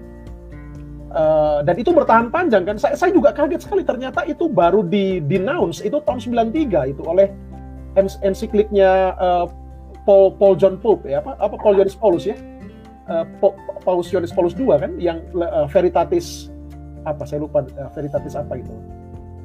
Itu kan baru di denounce di situ tahun 93. Jadi barusan sekali sebenarnya uh, Konsili Vatikan II itu kayak creating the path untuk itu. Kemudian kan ada ada ada apa? Ada satu komisi namanya Justicia et, et, uh, et, et Pax gitu kan. Uh, yang yang kemudian lebih jauh tahun 70-an itu semacam uh, creating the another path gitu. Untuk kemudian 93 tahun 93 itu berarti kan belum belum 30 tahun lalu sebenarnya. Uh, uh, uh, Paus itu tegas mengatakan bahwa slavery itu intrinsically evil. Jadi itu itu yang buat waktu saya ikut di kelas ya teman-teman itu uh, kaget terkaget kaget begitu bahwa apa yang kita lihat sebagai atau orang maaf orang di luar gereja sudah lama melihat itu sebagai bentuk evil begitu kan? Intrinsically evil itu kemudian baru-baru saja itu di, di, di denounce. Tapi saya nggak tahu Bung Enes dan teman-teman Bung Arvin Bung Angga dan Abel ya. Tapi setidaknya kalau menurut saya yang saya lihat menariknya ada ada progresivitas walaupun memang uh, lambat. Uh, alih-alih misalnya mengikuti tren belakangan ini yang malah di kalangan misalnya maaf kata ya white evangelicals di Amerika justru malah seperti denial kan dengan realitas itu begitu yang mengatakan mana tidak ada rasisme gitu. Tidak ada yang namanya uh, slavery sekarang ini. Uh, itu sih yang saya uh, senang ya. Jadi kalau misalnya tadi sambung ke komentar Bung NS, eh, saya sepakat akhirnya. Setelah jadi saya saya baca terutama Kasper juga ya. Jadi nggak ada yang namanya doktrin nggak bisa berubah gitu. Jadi kalau sampai bahkan bahkan saya berani uh, kemudian lewat dua buku ini berani menyimpulkan bahwa kalau dulu mungkin ajarannya kan etika itu atau moralitas itu harus diturunkan dari doktrin begitu kan. Justru dua buku ini dan sejarah Konsili Vatikan II mengajarkan malah moralitas yang menurunkan doktrin malah praktis itu yang mengubah doktrin sebenarnya gitu. Jadi sisi etika itu yang justru uh, mengubah perspektif kita tentang uh, teologi. Dan ini terjadi dalam gereja, terjadi dalam gereja. Jadi uh, saya sih sebenarnya tertarik uh, Bung NS dan teman-teman ya, uh, Bung Arvin, Bung Abel dan Angga ya dan pemirsa. Ini kalau ada kalau ada uh, di perpus atau ini ini ini benar-benar ini bagus banget. Ini ini dan tulisan Kasper enak sekali. Ini sangat readable gitu ya uh, menceritakan dengan pelan-pelan begitu kan. Uh, bagaimana sampai kemudian gereja Katolik itu menemukan dasar pijakan tidak kemudian membuang tradisi begitu kan? Khususnya dari ya ini Bung Arvin ini ya Tomis ya. So, ya kan khususnya pijakan dari tradisi Tomis begitu. Oh firman Tuhan juga pastinya gitu kan. Uh, untuk kemudian uh, mengatakan bahwa if, uh, slavery itu intrinsically evil. Uh, dan itu dan kami juga membaca sebenarnya di kelas juga ensiklik ensiklik dari paus-paus sebelumnya gitu kan yang astaga saya sampai pernah telepon Bung NS gitu ya. Oh my goodness gitu. What the heck gitu kan. Kalau saya kutip kalimat prof saya di IMBS what the heck. Oh my god ini oh gosh. Jadi uh, saya kemarin sempat terlibat diskusi dengan seorang uh, mantan mahasiswa saya begitu kan. Uh, menarik. Dan dia dia nah kami bicara topik lain sebenarnya. Kalau ini saya saya bawa ke ranah aplikasi ya kami bicara tentang topik lain tapi kemudian dia mengatakan begini. Tapi kak uh, sebenarnya penting nggak sih kita itu ngajarin sejarah-sejarah? Karena bisa jadi kan sejarah itu kemudian membuat orang-orang yang sudah nggak nggak ngerti apa yang terjadi di belakang sana itu terluka lagi dan kemudian itu menimbulkan keresahan sosial. Uh, saya kemudian mengatakan wah iya saya bisa mengerti sih uh, karena saya juga dulu pernah di lembaga uh, lembaga pengembangan sosial begitu di WVI dan saya bisa mengerti gitu dalam konteks development masyarakat kadang-kadang itu penghambat dan obstacle dalam pengembangan masyarakat itu justru ya kayak itu kayak sejarah-sejarah lampau yang kemudian membuat masyarakat oh ternyata akhirnya kami menolak untuk dikembangkan kami menolak mengembang tapi saya kemudian eh, berefleksi dan mengatakan ke dia dari khususnya dari gereja Katolik ya saya, saya bilang tapi bagaimana kalau memang sejarah itu perlu untuk disibak begitu disingkapkan gitu. Karena justru itu part of identity Kenapa? Karena Alkitab sendiri pun ya contohlah kita baca misalnya sejarah umat Israel begitu kan justru yang membuat uh, Israel itu punya messianic hope misalnya atau punya harapan ke depan karena mereka tahu sejarah. Tidak mungkin orang itu bisa bisa punya hope ke depan kalau dia nggak ngerti sejarahnya begitu. Jadi jangan ditutup-tutupilah sejarah itu. Saya sih uh, nggak tahu ya Bung NS dan Bung Arvin, Bung Abel, Angga, pemirsa. Saya lebih banyak reflektif akhirnya walaupun ini buku sangat akademik ya. Saya jadi satu sisi pesimistik dengan gereja begitu. Karena akhirnya kalau Bung NS selalu bilang uh, gereja terlambat uh, kelompok tertentu terlambat 50 tahun Bung NS. Saya malah bilang ini terlambat ribuan tahun ini. Ya kan ini terlambat ratusan tahun ini untuk untuk denounce bahwa slavery itu intrinsically evil begitu.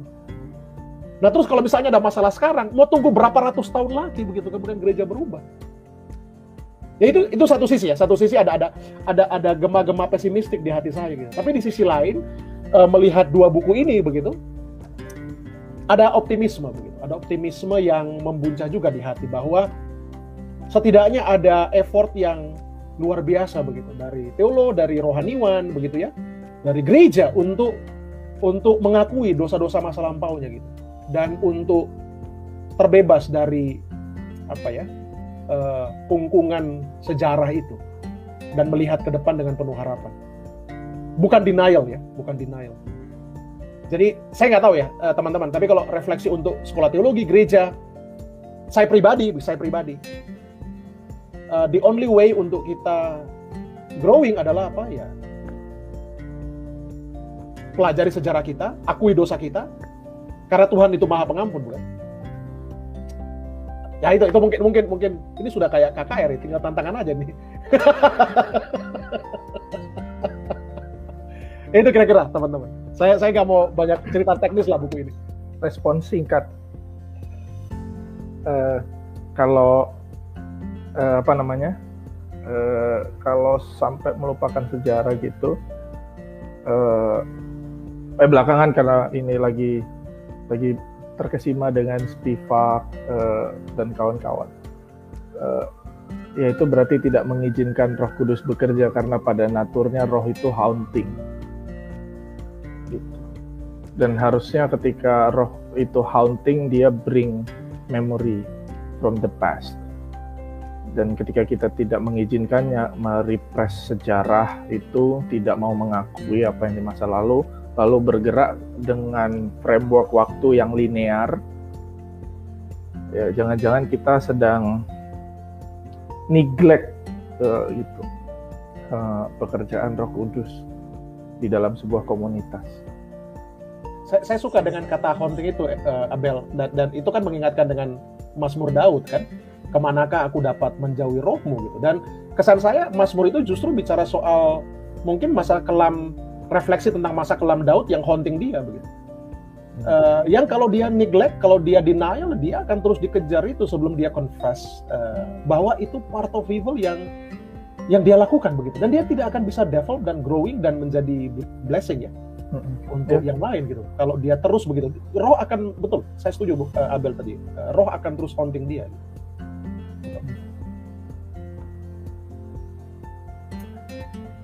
Saya Apakah mau kondisinya sebenarnya juga. Silakan silakan boleh nggak? apa apakah itu sebenarnya ada ada ada korelasi dengan tadi yang sedikit dibahas, Pak Arvin juga bahas bahwa eh, struk eh, formasi formasi? Metode filsafatnya? Ketika kita eh, yang populer ya di di kekristenan sekarang kan itu bahwa ada satu metafisika ide kebenaran yang transcending eh, time and space kan itu kan idenya kan gitu ada satu kebenaran yang sudah di figure out sekarang yang dimiliki oleh gereja tertentu alih-alih eh, melepaskan eh, mendasarkan teologi dari metafisika tapi dari fenomena yang ada yang akhirnya kan kalau kita beranjak dari fenomena tentu bukannya kita buang eh, absolute atau segala macam ya tapi kalau kita berangkat dari fenomena akan menghasilkan sebuah formasi sistematika atau teologi yang dinamis kan gitu. Saya saya nggak tahu apakah saya benar ya Bung Arvin ya. Tapi kalau saya baca Kasper misalnya atau Bung Enes nanti bisa koreksi saya. Saya baca Kasper menurut Kasper persoalannya bukan metafisik atau atau realitas gitu. Eh, persoalannya bukan nomena atau fenomena. Nah, sebenarnya kalau kalau bagi Kasper itu metafisik itu tetap penting. Makanya kan dia agak sedikit resisten dengan liberation theology kan sebenarnya. Dia walaupun dia tidak tolak dia agak agak sedikit resisten. Dia tetap tetap oke dengan metafisik. Nah pertanyaannya adalah metafisik yang mana dulu itu bagi Kasper. Karena karena kan yang sebenarnya di di dihantam habis-habisan saya nggak tahu Bung Anas yang mungkin lebih tahu ya. Tapi kalau kesan saya yang dihantam habis-habisan di Konsili Vatikan II itu kan asumsi Agustinian sebenarnya. Iya kan? Bahwa manusia itu harus totally depend kepada Allah. Itu kan metafisiknya tuh. Ya kan? Ah, nah totally depend itu kemudian dalam praktiknya itu kan menjadi bermasalah itu. Nah eh, eh, sedangkan eh, eh, metafisik Thomis itu menarik kan sebenarnya tapi diabaikan di medieval. Itu itu di nanti Arvin mungkin itu dianggap sepi kan oleh oleh. Nah baru kemudian dalam dalam resourcement gitu itu kemudian dilihat oh ini ini ini sebenarnya sejarah ini metafisik Thomis ini menarik untuk dielaborasi eh, dalam konteks human freedom. Bahwa itu embedded di nature sebenarnya. Begitu nah nanti yang kemudian kak kalau kita bahas Dennis Edward ya Bung Arvin itu kan nanti ada menemukan juga eh, redliningnya di, di evolusi kan? Ya ini pengembangan berikutnya gitu, pengembangan berikutnya bahwa sebenarnya eh, eh, evolusi yang menekankan soal eh, apa ya hukum-hukum yang sudah dependent eh, eh, apa independen sorry independen itu harus dihargai dan Allah memang bekerja lewat itu. Jadi jadi kalau kalau kalau kalau saya sih malah eh, enggak melihat eh, ini kalau lagi-lagi kalau Kasper ya Eh, bukan kemudian membuang juga metafisik. Metafisik tetap penting. Teologi tetap penting eh, metafisik tetap penting dalam teologi. Metafisik seperti apa yang digunakan? Itu sih. Itu saya saya, saya mungkin eh, bisa keliru ya kalau di sini. Bung Enes mungkin atau Bung Arvin yang mau komen tadi? Eh, Nanti ada pas saya pas sharing buku bagian saya mau nawarin metafisik. Enggak sih, lebih ke teologi theological cosmologinya. ya satu, satu komentar terakhir eh, makanya saya kaget juga karena kan kampus saya Agustinian gitu ya teman-teman. Eh, dan di kelas itu disikat habis-habisan itu. Wah lama. Tapi tapi menarik menarik. Makanya saya saya sampai telepon NS saya excited gitu ya. Saya sampai kalau nggak salah ya Bung NS ya saya telepon anda malam-malam saya sel- selesai kuliah itu saya telepon kami agak lama saya di mobil sampai rumah telepon. Saya bilang I'm so excited gitu. Karena ini ini kampus Agustinian dan di kelas kita itu hantam habis-habisan itu Agus- bahkan prof kami itu oh, ya ya, ya, Agustinian bermasalah. Dan itu yang prolong slavery itu prolong racism. Sebenarnya itu Agustinian theology. Oh my god. Ya itu itu itu itu itu menarik menurut saya. Dan dan dan bagi saya itu part of healing ya. Itu part of healing gitu. Bahwa itu part of our history gitu. Yang saya yakin membuat eh, Villanova Agustinian eh, order ini akan makin kuat ke depan Gimana enggak? Mau pindah kita enggak? NS tadi NS tadi mau ngomong tadi NS kalau salah Cuman memang eh, kembali Bung, ini kan kita sebagai orang-orang Protestan yang nggak punya great tradition begitu ya. Yang mau ngambil-ngambil aja sih. Misalnya dari Nisea great tradition kita terus kemudian eh, ngambil dari Chalcedon gitu. Eh, tapi yang pada hakikatnya kita itu diajar dan memang bertumbuh di gereja-gereja yang uh, solely percaya kepada Alkitab sebagai sumber kebenaran dan sumber pengajaran. Saya ngomong begini sebagai seorang Anabaptis ya. Dan dibandingkan dengan semua tradisi itu Anabaptis yang lebih biblisis, lebih uh, daripada apa pun Literal. juga. Begitu literal.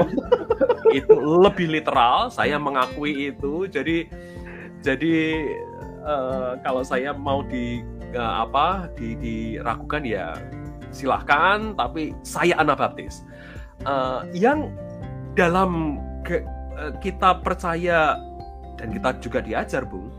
Itu kan ya Alkitab itu kan tidak berubah. Alkitab itu tetap firman Allah begitu. Dan saya masih mengingat eh, ada orang yang pernah mengatakan kepada saya waktu itu di kelas bahwa ya eh, Alkitab aja tidak menolak eh, perbudakan kok begitu kan.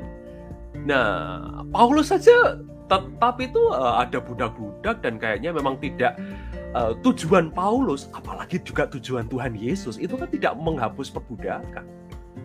Nah kalau begitu dengan apa ya? Kalau nggak salah Veritatis Splendor ya Bung ya? Iya, iya, iya, iya, Veritatis Splendor, ya, betul, betul. Iya, yang Anda kutip itu tahun 93 Bulan tiga, ya. itu mendenounce uh, slavery, ya itu kan ada semacam penyimpangan sedikit mau diakui atau tidak dari Banyak itu. uh, kebenaran firman Tuhan. Komentar. Iya, itu itu itu itu betul, betul Bung Enes. Itu yang kemudian kalau nggak salah kan eh, beberapa teolog Katolik di Konsili Vatikan II juga eh, resisten ya eh, dengan dengan Konsili Vatikan II begitu. Khusus- khususnya Gaudium et Spes gitu kan. Nah, saya nggak saya nggak saya saya nggak saya nggak nggak nggak nggak punya otoritas lah untuk bicara soal dinamika yang terjadi begitu. Karena saya yakin sampai hari ini juga masih termasuk polarisasi yang terjadi sekarang. Kesan saya juga, saya nggak tahu bukan tapi kesan saya akar-akarnya dari Konsili Vatikan II juga kan.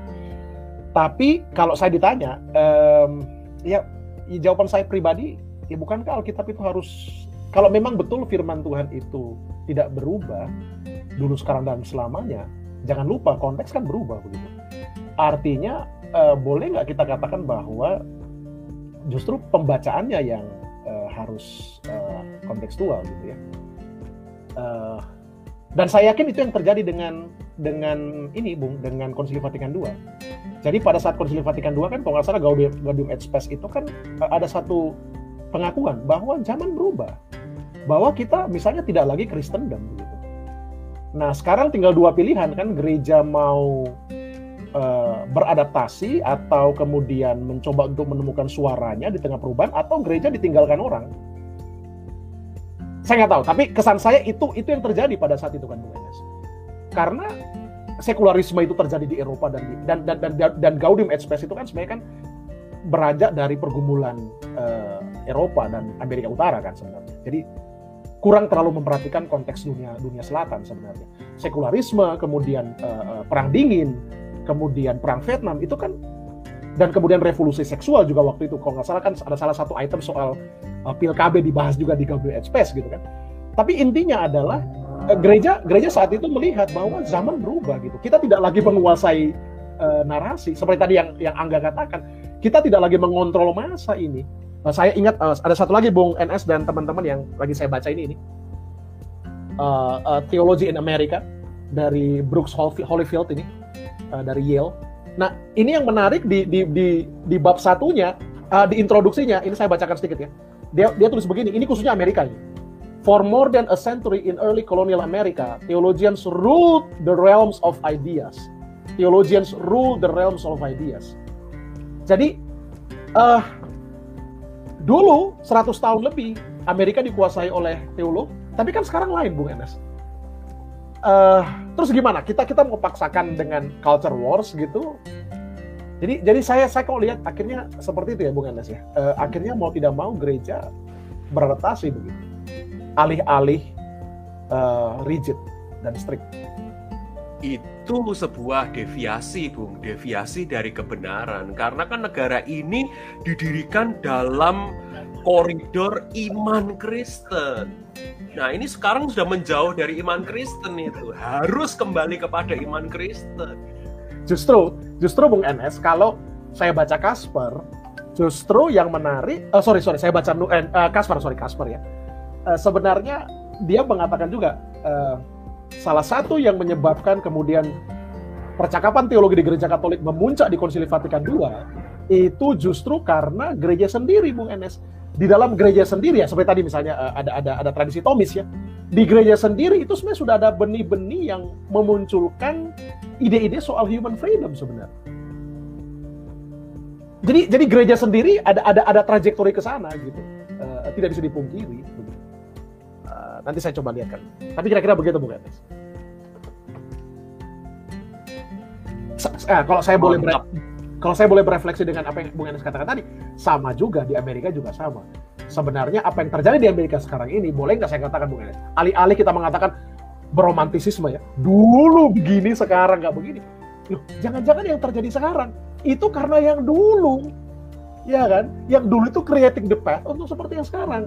Atau seperti kata Gutierrez, Bung Enes, apa yang terjadi di zaman modern itu sebenarnya kulminasi dari sejarah Allah gitu kan, history of God gitu. Jadi nggak usah di nggak usah dimaki-maki lah sekularisme itu.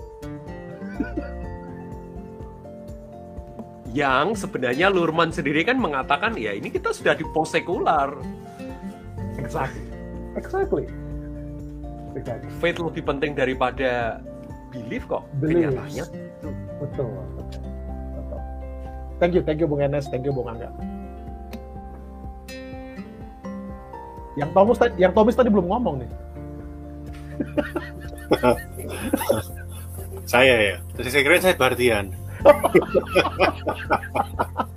Tergantung undangan. uh, kalau di itu bulat ya, maksudnya memang ada ada pengakuan kayak perbudakan apa ada tapi juga sifatnya mungkin agak hegemonis ya karena ada human dignity dan human dignity itu universal begitu. Dan jadi juga, juga mungkin bisa dikritik. Itu juga akan melahirkan akhirnya humana vita kan? Yang bagi saya bioethics itu itu penting banget gitu kan humana vita dokumen itu. Urusan kontrasepsi lah gitu kan itu perkara di situ. Um, nah saya, sekarang saya mikirnya apa apa ada hubungannya sama Fratelli Tutti ya? Apa Fratelli Tutti sekarang itu basically ekspansi dari Gaudium et Spes ini mencoba meratakan semua orang ada suatu optimisme setelah perang dunia pertama dan kedua pada waktu itu kan. Jadi mungkin ada ada optimisme itu ada menyamakan semua orang. Itu modernisme bukan postmodernisme mungkin. Nggak tahu gimana. Yang lain. Bukan ada sekali yang mau jawab tuh saya. Um, uh, Iya, ini menarik ya uh, bicara mengenai friendship uh, dan dan ini kembali lagi memang pertanyaannya adalah friendship uh, menurut siapa kalau begitu uh, yang yang dituliskan di uh, Fratelli Tutti itu. By the way teman-teman buat para penonton Fratelli Tutti itu uh, apa namanya uh, encyclical Paus Yohanes Paulus II yang terkini ya tentang tentang persaudaraan atau persahabatan umat manusia begitu. Pope Francis. Tetapi Pope Francis. Huh? Pope Francis. Pope Francis ya. Francis. Yohanes dua. Oh iya, salah salah. Pope Francis yang terkini ya. Uh, itu menarik sekali sebenarnya. Tetapi memang memang sangat betul kalau mau di mau dibilang ini ini ini menurut versinya siapa begitu. Dalam hal ini uh, ini memang seperti kompromi Bung Arvin sepertinya ya kembali bulatnya yang tidak mudah dibaca hanya satu streamnya Gaudium et Spes itu kembali seperti diulang di di uh, uh, uh, Fratelli Tutti. Jadi semacam ada tarik menarik antara uh, Agustinian dengan uh, uh, dengan paham apa paham paham Aristotelian di sini ya uh, yang kita mau kita yang mau gimana nih? Kita mau mulai konsep terlebih dahulu gitu kan? Konsep tentang manusia persaudaraan dan persahabatan manusia atau kita mulai dari realitas terlebih dahulu. Nah, Kasper eh, debatnya dengan siapa? Ratzinger. Itu kan masalah itu. Gereja itu apa? Gereja itu apakah satu gereja baru kemudian uh, menyebar jadi gereja-gereja yang berbeda-beda. Jadi uh, sinodalitas uh, konsiliarnya gereja itu sebenarnya ada satu gereja yang utuh yang kemudian menyebar dan pada akhirnya kita mesti kembali kepada ke kesatuan itu bahwa kesatuan itu tetap ada walaupun tetap di dal dalam ranah ideal atau seperti Kasper enggak gereja itu dari awal itu memang sudah dari awalnya beda-beda nah konsiliaritas, sinodalitas itu kita berjalan bersama-sama.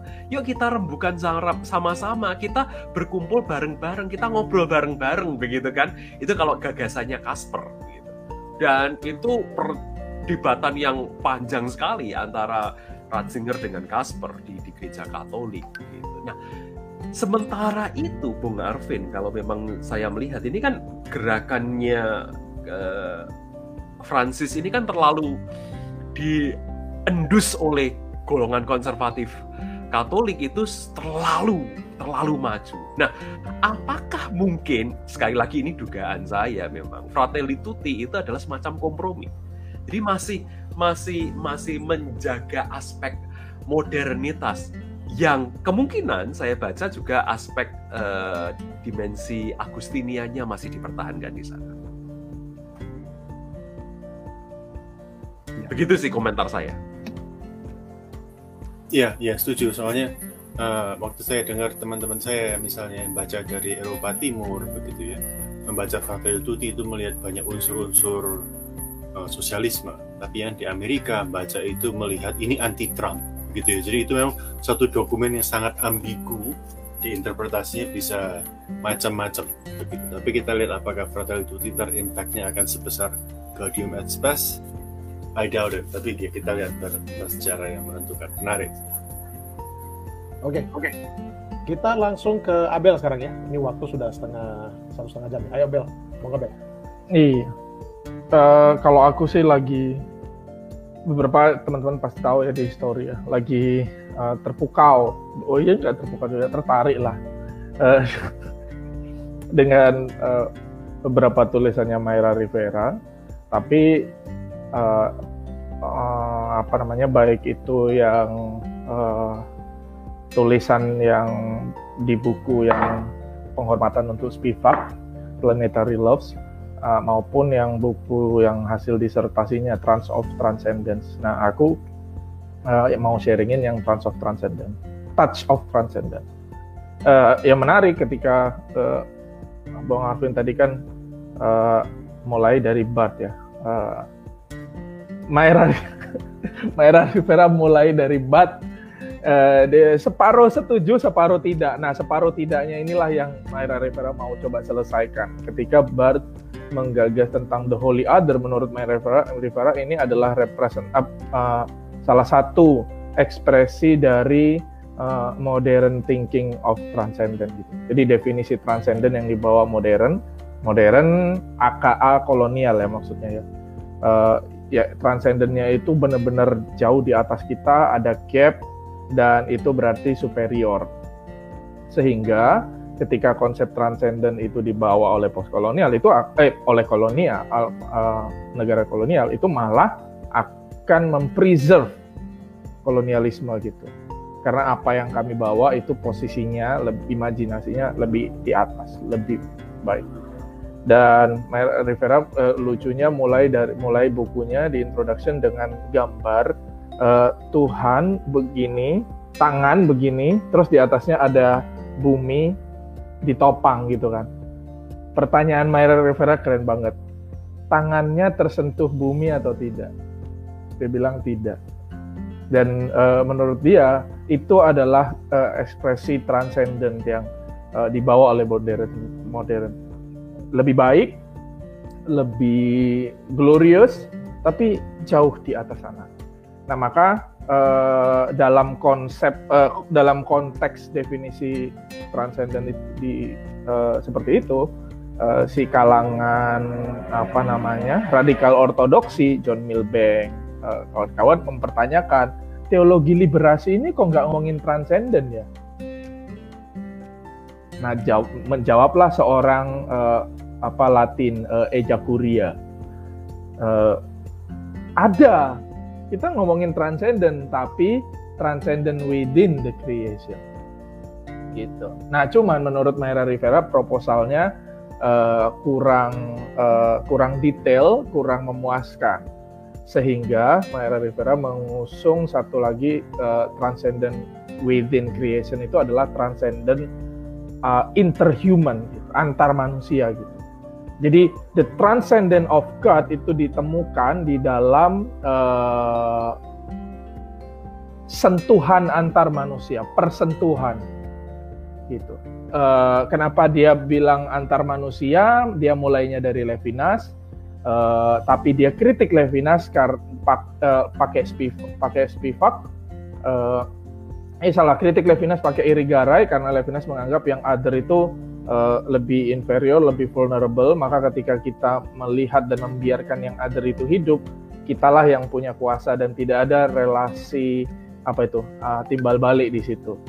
Nah, kan kalau Lucia Rigara enggak harusnya uh, other itu sifatnya sexual other, jadi ada timbal balik gitu, enggak satu arah. Nah, uh, si Rivera lebih setuju uh, dalam hal ini gitu. Jadi relasi antar manusia itu bukan hanya tentang saya membiarkan other hidup gitu, tapi saya juga dengan yang other itu ada uh, relasi timbal balik. Nah, tapi masih ada gap baik itu uh, Levinas maupun Irigaray yaitu apa? Seeing face, other face Nah, dia Mayra Rivera nggak suka other face. Kenapa? Karena itu mengisyar, mensyaratkan bahwa relasi antar manusia itu ada jarak, gitu. Dan transcendent Allah itu tidak ditemukan di dalam jarak antar manusia, tapi body, gitu. Jadi ada touch, uh, dia pakai, uh, dia bisa juga sentuhan, pelukan dan lain-lain. Itu itu ima, eh, imajinasinya. Tapi teman-teman uh, yang nonton ini jangan langsung uh, nganggap ini literal ya. Berarti uh, makin melihat Allah dengan cara makin berpelukan, bukan? Itu kan cuma uh, simbolisme yang dilakukan oleh uh, Rivera dan uh, dia pakai uh, Elizabeth Johnson uh, dalam hal simbolisme uh, salah satu ya kritik utama Rivera di dalam buku Touch of Transcendent yaitu gitu bahwa di dalam kehidupan bergereja selama ini kita selalu menganggap bahwa ada dunia yang jauh di atas sana, ada gap the holy other uh, sehingga kita perjalanan menuju ke atas sana, bukan yang sekarang ini gitu apa pun itu eskatologinya walaupun kita pakai wahyu uh, apa namanya pemulihan restorasi dunia di alam di sini itu menurut Myra Rivera belum cukup. Gitu. Kenapa? Karena itu mengisyaratkan uh, paradigma kolonial tadi tentang transcendent nah buat aku buku ini menarik ya uh, pertama menarik jelas sangat-sangat mengkritik teologi yang surganisme gitu karena Mayra Rivera kan konsepnya liberasi juga. Dia mau membela Ella Curia di hadapan uh, kalangan radikal ortodoksi, tapi Ella Curia kurang gitu. Jadi intinya Mayra Rivera dengan proposal ini usulan uh, menurut dia harapannya adalah kalangan teolog liberasi bisa lebih banyak berbicara tentang transcendent. Tapi di dalam sini gitu lewat interhuman touch. Kira-kira sih uh, begitu. Nah, uh, buat aku menariknya itu mengkritik teologi yang surganisme. Dan yang kedua ya teologi liberas uh, teologi pembebasan uh, bisa tidak bisa tidak mendapat kesan liberal. Gitu. Dengan tetap membawa transcendent uh, di dalam uh, diskursus teologinya. Kira-kira sih itu uh, serinya. Nah, aku mau kaitin sama Shelly Rambo uh, dikit. Uh, Shelly Rambo dan dengan pengaruh Thurman, dengan pengaruh uh, studi trauma, uh, itu kan menggambarkan kehidupan manusia itu kan lewat perspektif modern kan linear kan uh, uh, Hegelian kan ada satu telos one certain telos yang semua itu bergerak menujunya gitu sehingga waktu itu linear nah padahal uh, waktu hidup manusia itu uh, cyclic gitu tapi bukan cyclic tidak berprogres uh, cyclic berprogres tapi jangan sampai kita mengasumsikan progres menuju satu titik di depan sana gitu. Nah itu uh, uh, Rambo ya. Nah ini menarik. Aku mau mencoba mengkaitkan nanti antara Rambo dengan Rivera karena uh, belum belum dicoba dikaitkan. Uh, Rivera mencoba menarik yang di atas itu ke sini, Rambo menarik yang di depan itu ke sini. Imajinasinya gitu. Tapi tentu uh, theological sentence-nya atau uh, uh, apa nanti ya deskripsinya uh, harus lebih detail. Tapi itu uh, nanti. Kira-kira itu. Ada yang bertanya? Oke, partian respons sebentar ya. um, ini ini ini memang problem. Kayaknya um, memang Bart itu ada transcendensinya jauh sekali, Holy Other jauh sekali. Tapi kan sebetulnya Bart itu pakai Holy Other yang jauh sekali untuk membebaskan um, operasi di dalam sejarah. Makanya dia tidak mau Allahnya terlalu identik dengan sejarah. Karena ini ini dia dalam konteksnya melawan panteisme Hegelian sebetulnya dia. Dia tidak mau karena idea idea progression itu yang mengidentikan Allah itu ada di dalam sejarah bersama-sama transendensi itu ada di dalam dunia ini yang dia sebut dengan panteisme itulah yang memungkinkan Nazisme untuk terjadi makanya harus ada selalu holy atau transendensi yang bisa memecahkan membuat suatu krisis di dalam sejarah untuk membebaskan. Begitu kan? Jadi saya rasa dalam hal ini memang niatnya sama. Rivera sama Barth makanya Barth juga semua liberal teolog uh, liberasi pembebasan teolog semua baliknya ke Barth kan? Tapi ya sayangnya memang karena ada dualisme ini ada sifat hegemonia juga yang terus bisa disalah gunakan atau di hmm. atau terus orang salah mengerti. Jadi niatnya sama tapi solusinya solusinya beda. Dan dan solusi itu tidak tidak tidak bisa diterima dengan semua orang apalagi zaman post call saya rasa saya rasa begitu. Iya iya betul. Betul. Ya. Um, menarik Bel, tapi saya mau pushback. Pushbacknya justru mulai dari dari dua realitas. Kalau dua realitas yang terjadi di gereja terlebih dahulu ya. Yang pertama, kondisi COVID. Kondisi COVID itu kan touch itu kan justru malah berbahaya. Kedekatan dan semakin dekat satu orang dengan yang lain itu justru berbahaya harus berjarak. Itu yang pertama. Yang kedua, bicara mengenai touch dan relasionalitas dan embodiment katakanlah ya eh, satu dengan yang lain. Di dalam konteks gereja, apakah itu tidak berbahaya? Oleh sebab apa?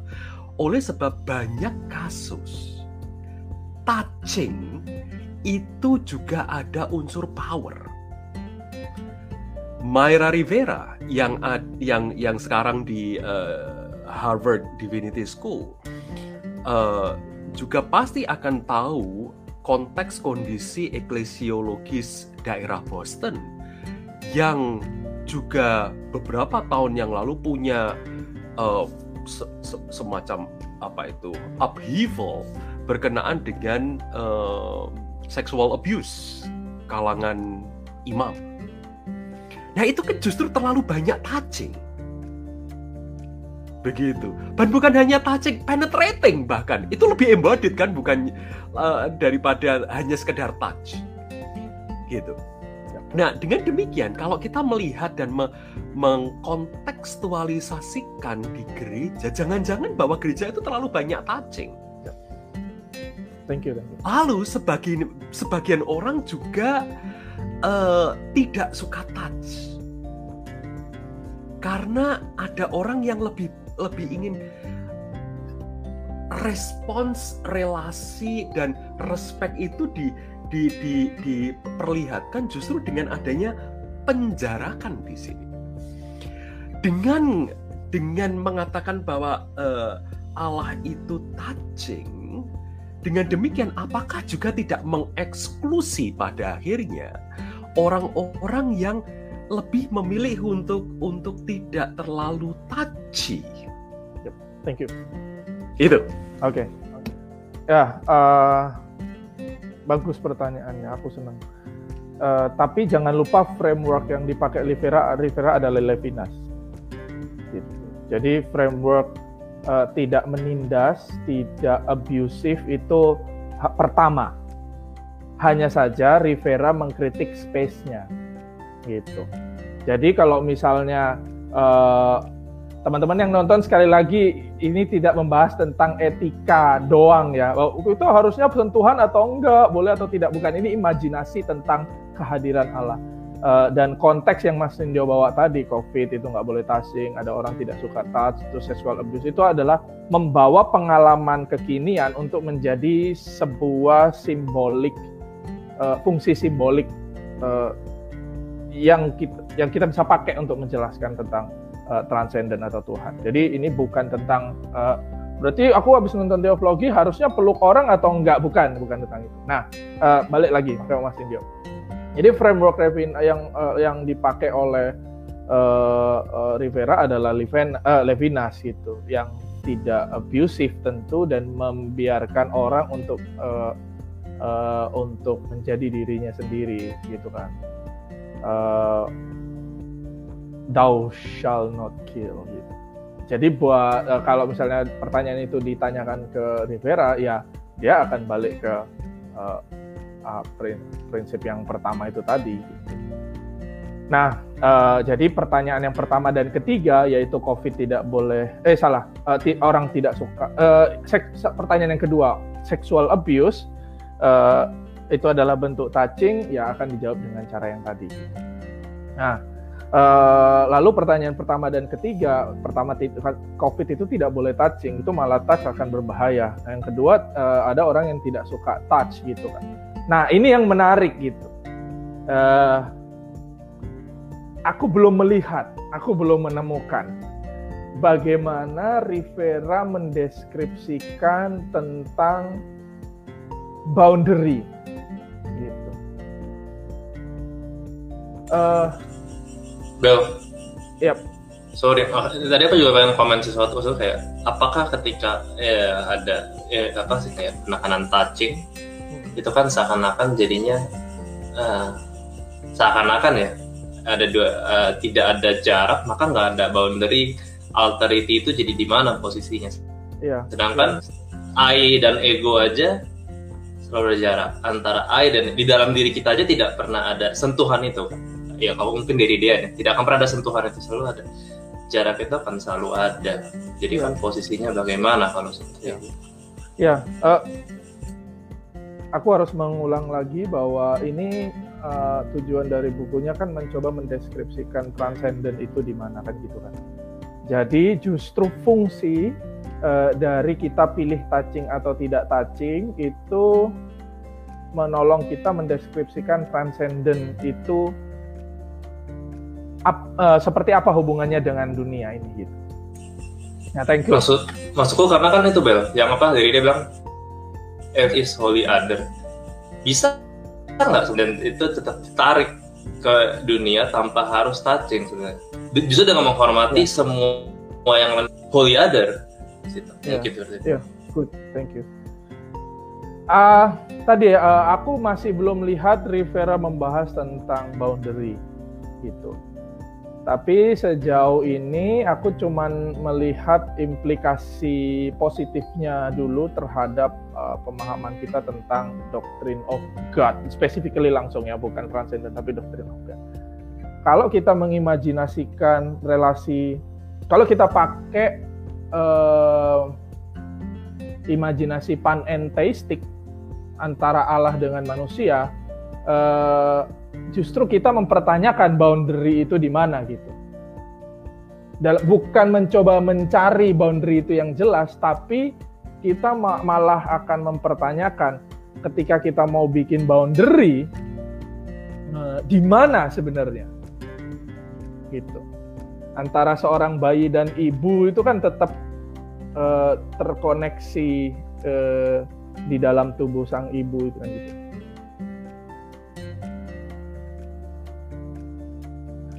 Aku menantikan sih kalau misalnya nanti uh, di buku yang lain atau di tulisan yang lain uh, si uh, Rivera pakai boundary untuk di untuk menjelaskan tentang transcendence juga. Sejauh ini belum. Sejauh ini belum. Tapi ya gitu, uh, aku mau menanyakan lagi, iya ya, kalau pertanyaannya Mas Nindyo tadi dibawa take into account, aku akan jadi bawa pertanyaan teologis. Apa pentingnya memberikan boundary yang jelas antara yang imanen dengan transenden?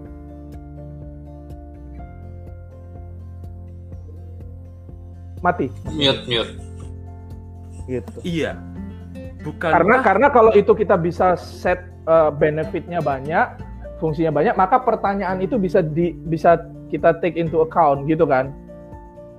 Untuk mencari jalan tengah antara theological cosmologinya Rivera dengan kita mau mempertahankan uh, itu tadi kegunaan atau fungsi dan benefit dari keterpisahan yang jelas itu. Eh.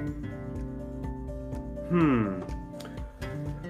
Kalau pakai bahasanya Bonhoeffer mungkin, ini aku kutip aja ya, cuplik lepas dari konteksnya Bonhoeffer. Tetapi uh, kalau pakai bahasa dia, um, makin gereja, uh, makin gereja, makin dunia itu coming apa itu namanya, coming of age, makin uh, dunia itu akil balik.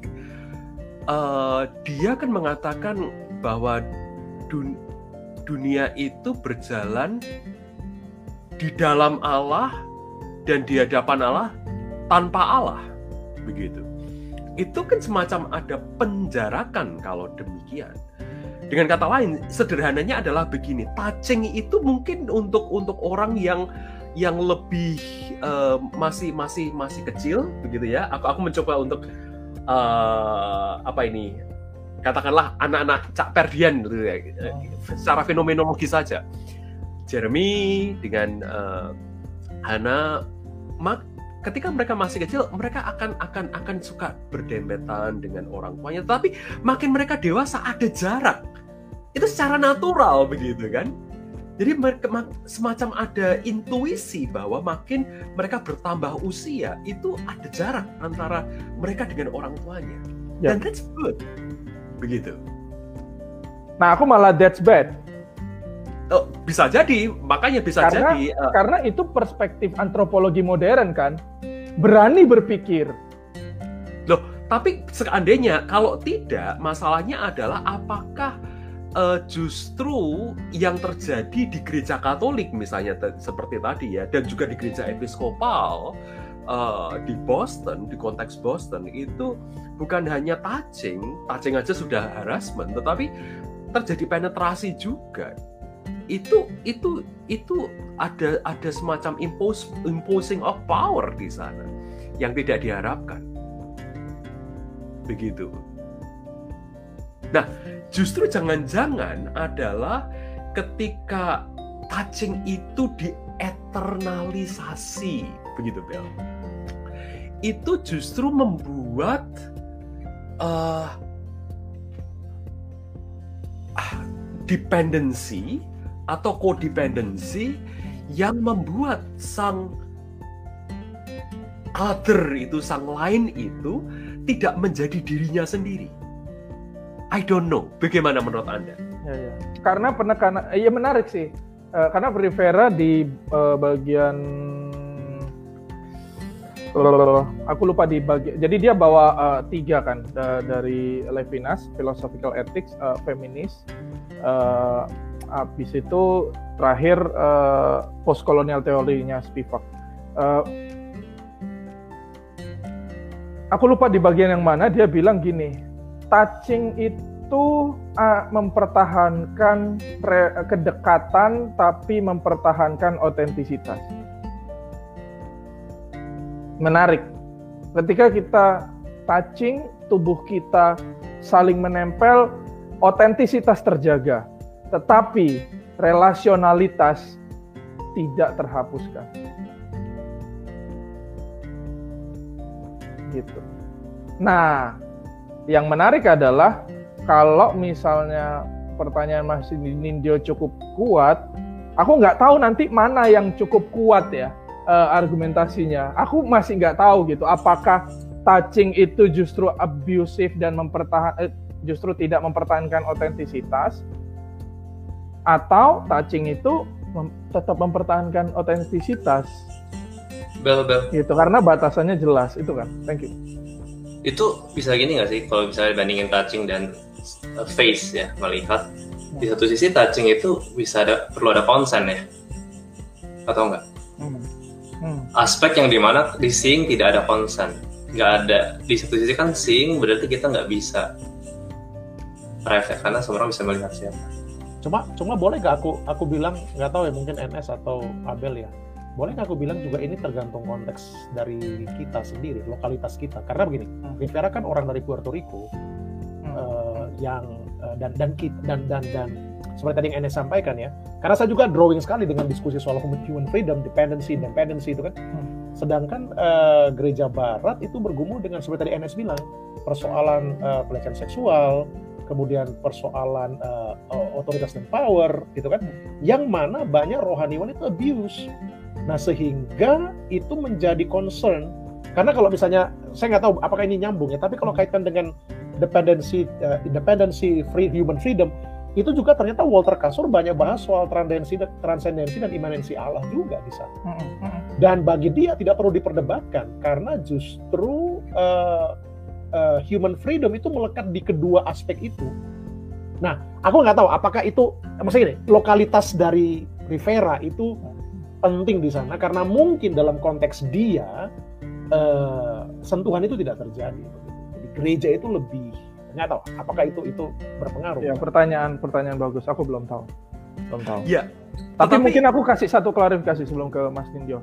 Uh, justru itu yang akan aku yakin itu yang akan dikritik Rivera gitu. Ketika abuse terjadi karena membawa framework transendensi yang di atas. Itu yang akan dikritik Rivera. Justru kolonialisme terjadi karena transendensi kita itu terlalu terpisah dan tidak di sini gitu dan hidupmu akan menjadi lebih baik kalau kamu bergerak towards the transcendent gitu kan. Nah itu justru akan uh, itu malah fungsi dari uh, uh, usulan Rivera akan mengkritik itu justru karena itu yang uh, Kaperdian bawa itu modern concept of transcendence. Gitu. Jadi akan sepakat dengan Kaperdian malahan. Tapi tentang lokalitas mungkin Mas Nujio. Uh, aku juga bilang benar juga ya. Nanti kita coba cari. Atau Mas Nujio. Iya. Wah ini ini keren banget ini teman-teman dan tidak terasa sudah dua jam. Wow, luar biasa ya. Uh, thank you Abel untuk buku yang disharingkan yeah. Ya. uh, dari Rivera ya. Uh, dan ada satu pertanyaan ini dari oh ini ada dari Imran ini. Abel kapan debat limited unlimited? Wah saya pikir uh, apa nanti Abel bisa buat di IG sendiri story lah ya. Aduh. Ini. Atau mungkin juga sudah banyak lah di Indonesia, jadi kita nggak perlu bahas lah ya bagaimana teman-teman. Kan sudah ramai, jangan diramaikan lagi lah. Uh, oh betul betul betul sekali ini uh, Bung Liverpool. Uh, maaf kalau bukan Bung ya. Kira-kira Bung ya, Bung Liverpool atau sister ini? Uh, cowok ya Liverpool ini. Kalau di queer mungkin queer. Ya, anggap queer. Kita anggap queer. Karena kalau baca di Nunan, uh, Bung Liverpool, uh, Nunan membahas menarik sekali. Ada di bab 2 dia bahas soal soal God slave holder dan di bab 3 dia bahas God slave uh, yang tadi uh, apa uh, jadi jadi di Alkitab bukan berarti tidak ada bahasa-bahasa liberasi ya. Misalnya contoh kan di di Keluaran itu kan uh, akulah Tuhan Allahmu yang membawa engkau keluar dari tanah Mesir dari tempat perbudakan. Nah, tapi itu harus dibaca kalau menurut Nunan dalam konteks Allah sebagai pemilik budak begitu. Nah, itu yang kemudian uh, dalam pembenaran justifikasi berikutnya itu dianggap sebagai bagian yang wajar dalam perbudakan pada zamannya. Bahkan yang menarik, saya nggak tahu nanti teman-teman komen apa ya, tapi uh, uh, yang menarik Nunan juga mengatakan di Injil sendiri Yesus tidak pernah digambarkan berbicara dengan seorang budak. Tidak pernah. Yesus pasti bicara dengan uh, dengan slaveholdernya, bukan dengan budaknya. Nah, ada kecurigaan Nunan, jangan-jangan penulis Injil itu malu kalau memasukkan itu. Karena bisa jadi Yesus pernah berbicara dengan budak, tapi mungkin malu memasukkan itu karena bisa jadi itu dianggap uh, tidak baik gitu, pada zamannya. Dan oh betul sekali, betul sekali uh, fokusnya bisa jadi betul dari internal freedom betul, dan bukan ke sosial atau structural uh, freedom. Thank you Bung Liverpool. Oke teman-teman, thank you untuk uh, diskusinya, keren banget dan moga-moga ke depan bulan depan kita bisa dapat uh, kasana yang baru dan moga-moga jangan cowok semua lah ya, jangan laki-laki semua lah ya nggak enak. Iya. Moga-moga berikutnya ada. Saya setidaknya bacaanku Rivera Rambul. Oh iya, iya, iya, bacaan kita cowok semua ya, iya, nggak bener semua. Aku aku perempuan ini Oh, tanya perempuan ya? tanya Meri. Oh iya. Udah bahas transenden, laki-laki, kulit putih lagi. Loh, yang Bart udah hilang. udah dengkotnya. Oke, teman-teman, thank you. Thank you untuk waktunya, pemirsa. Thank you untuk eh, sudah menyimak. Sampai jumpa di edisi berikutnya. Yap. Thank you, thank you. Thank you guys.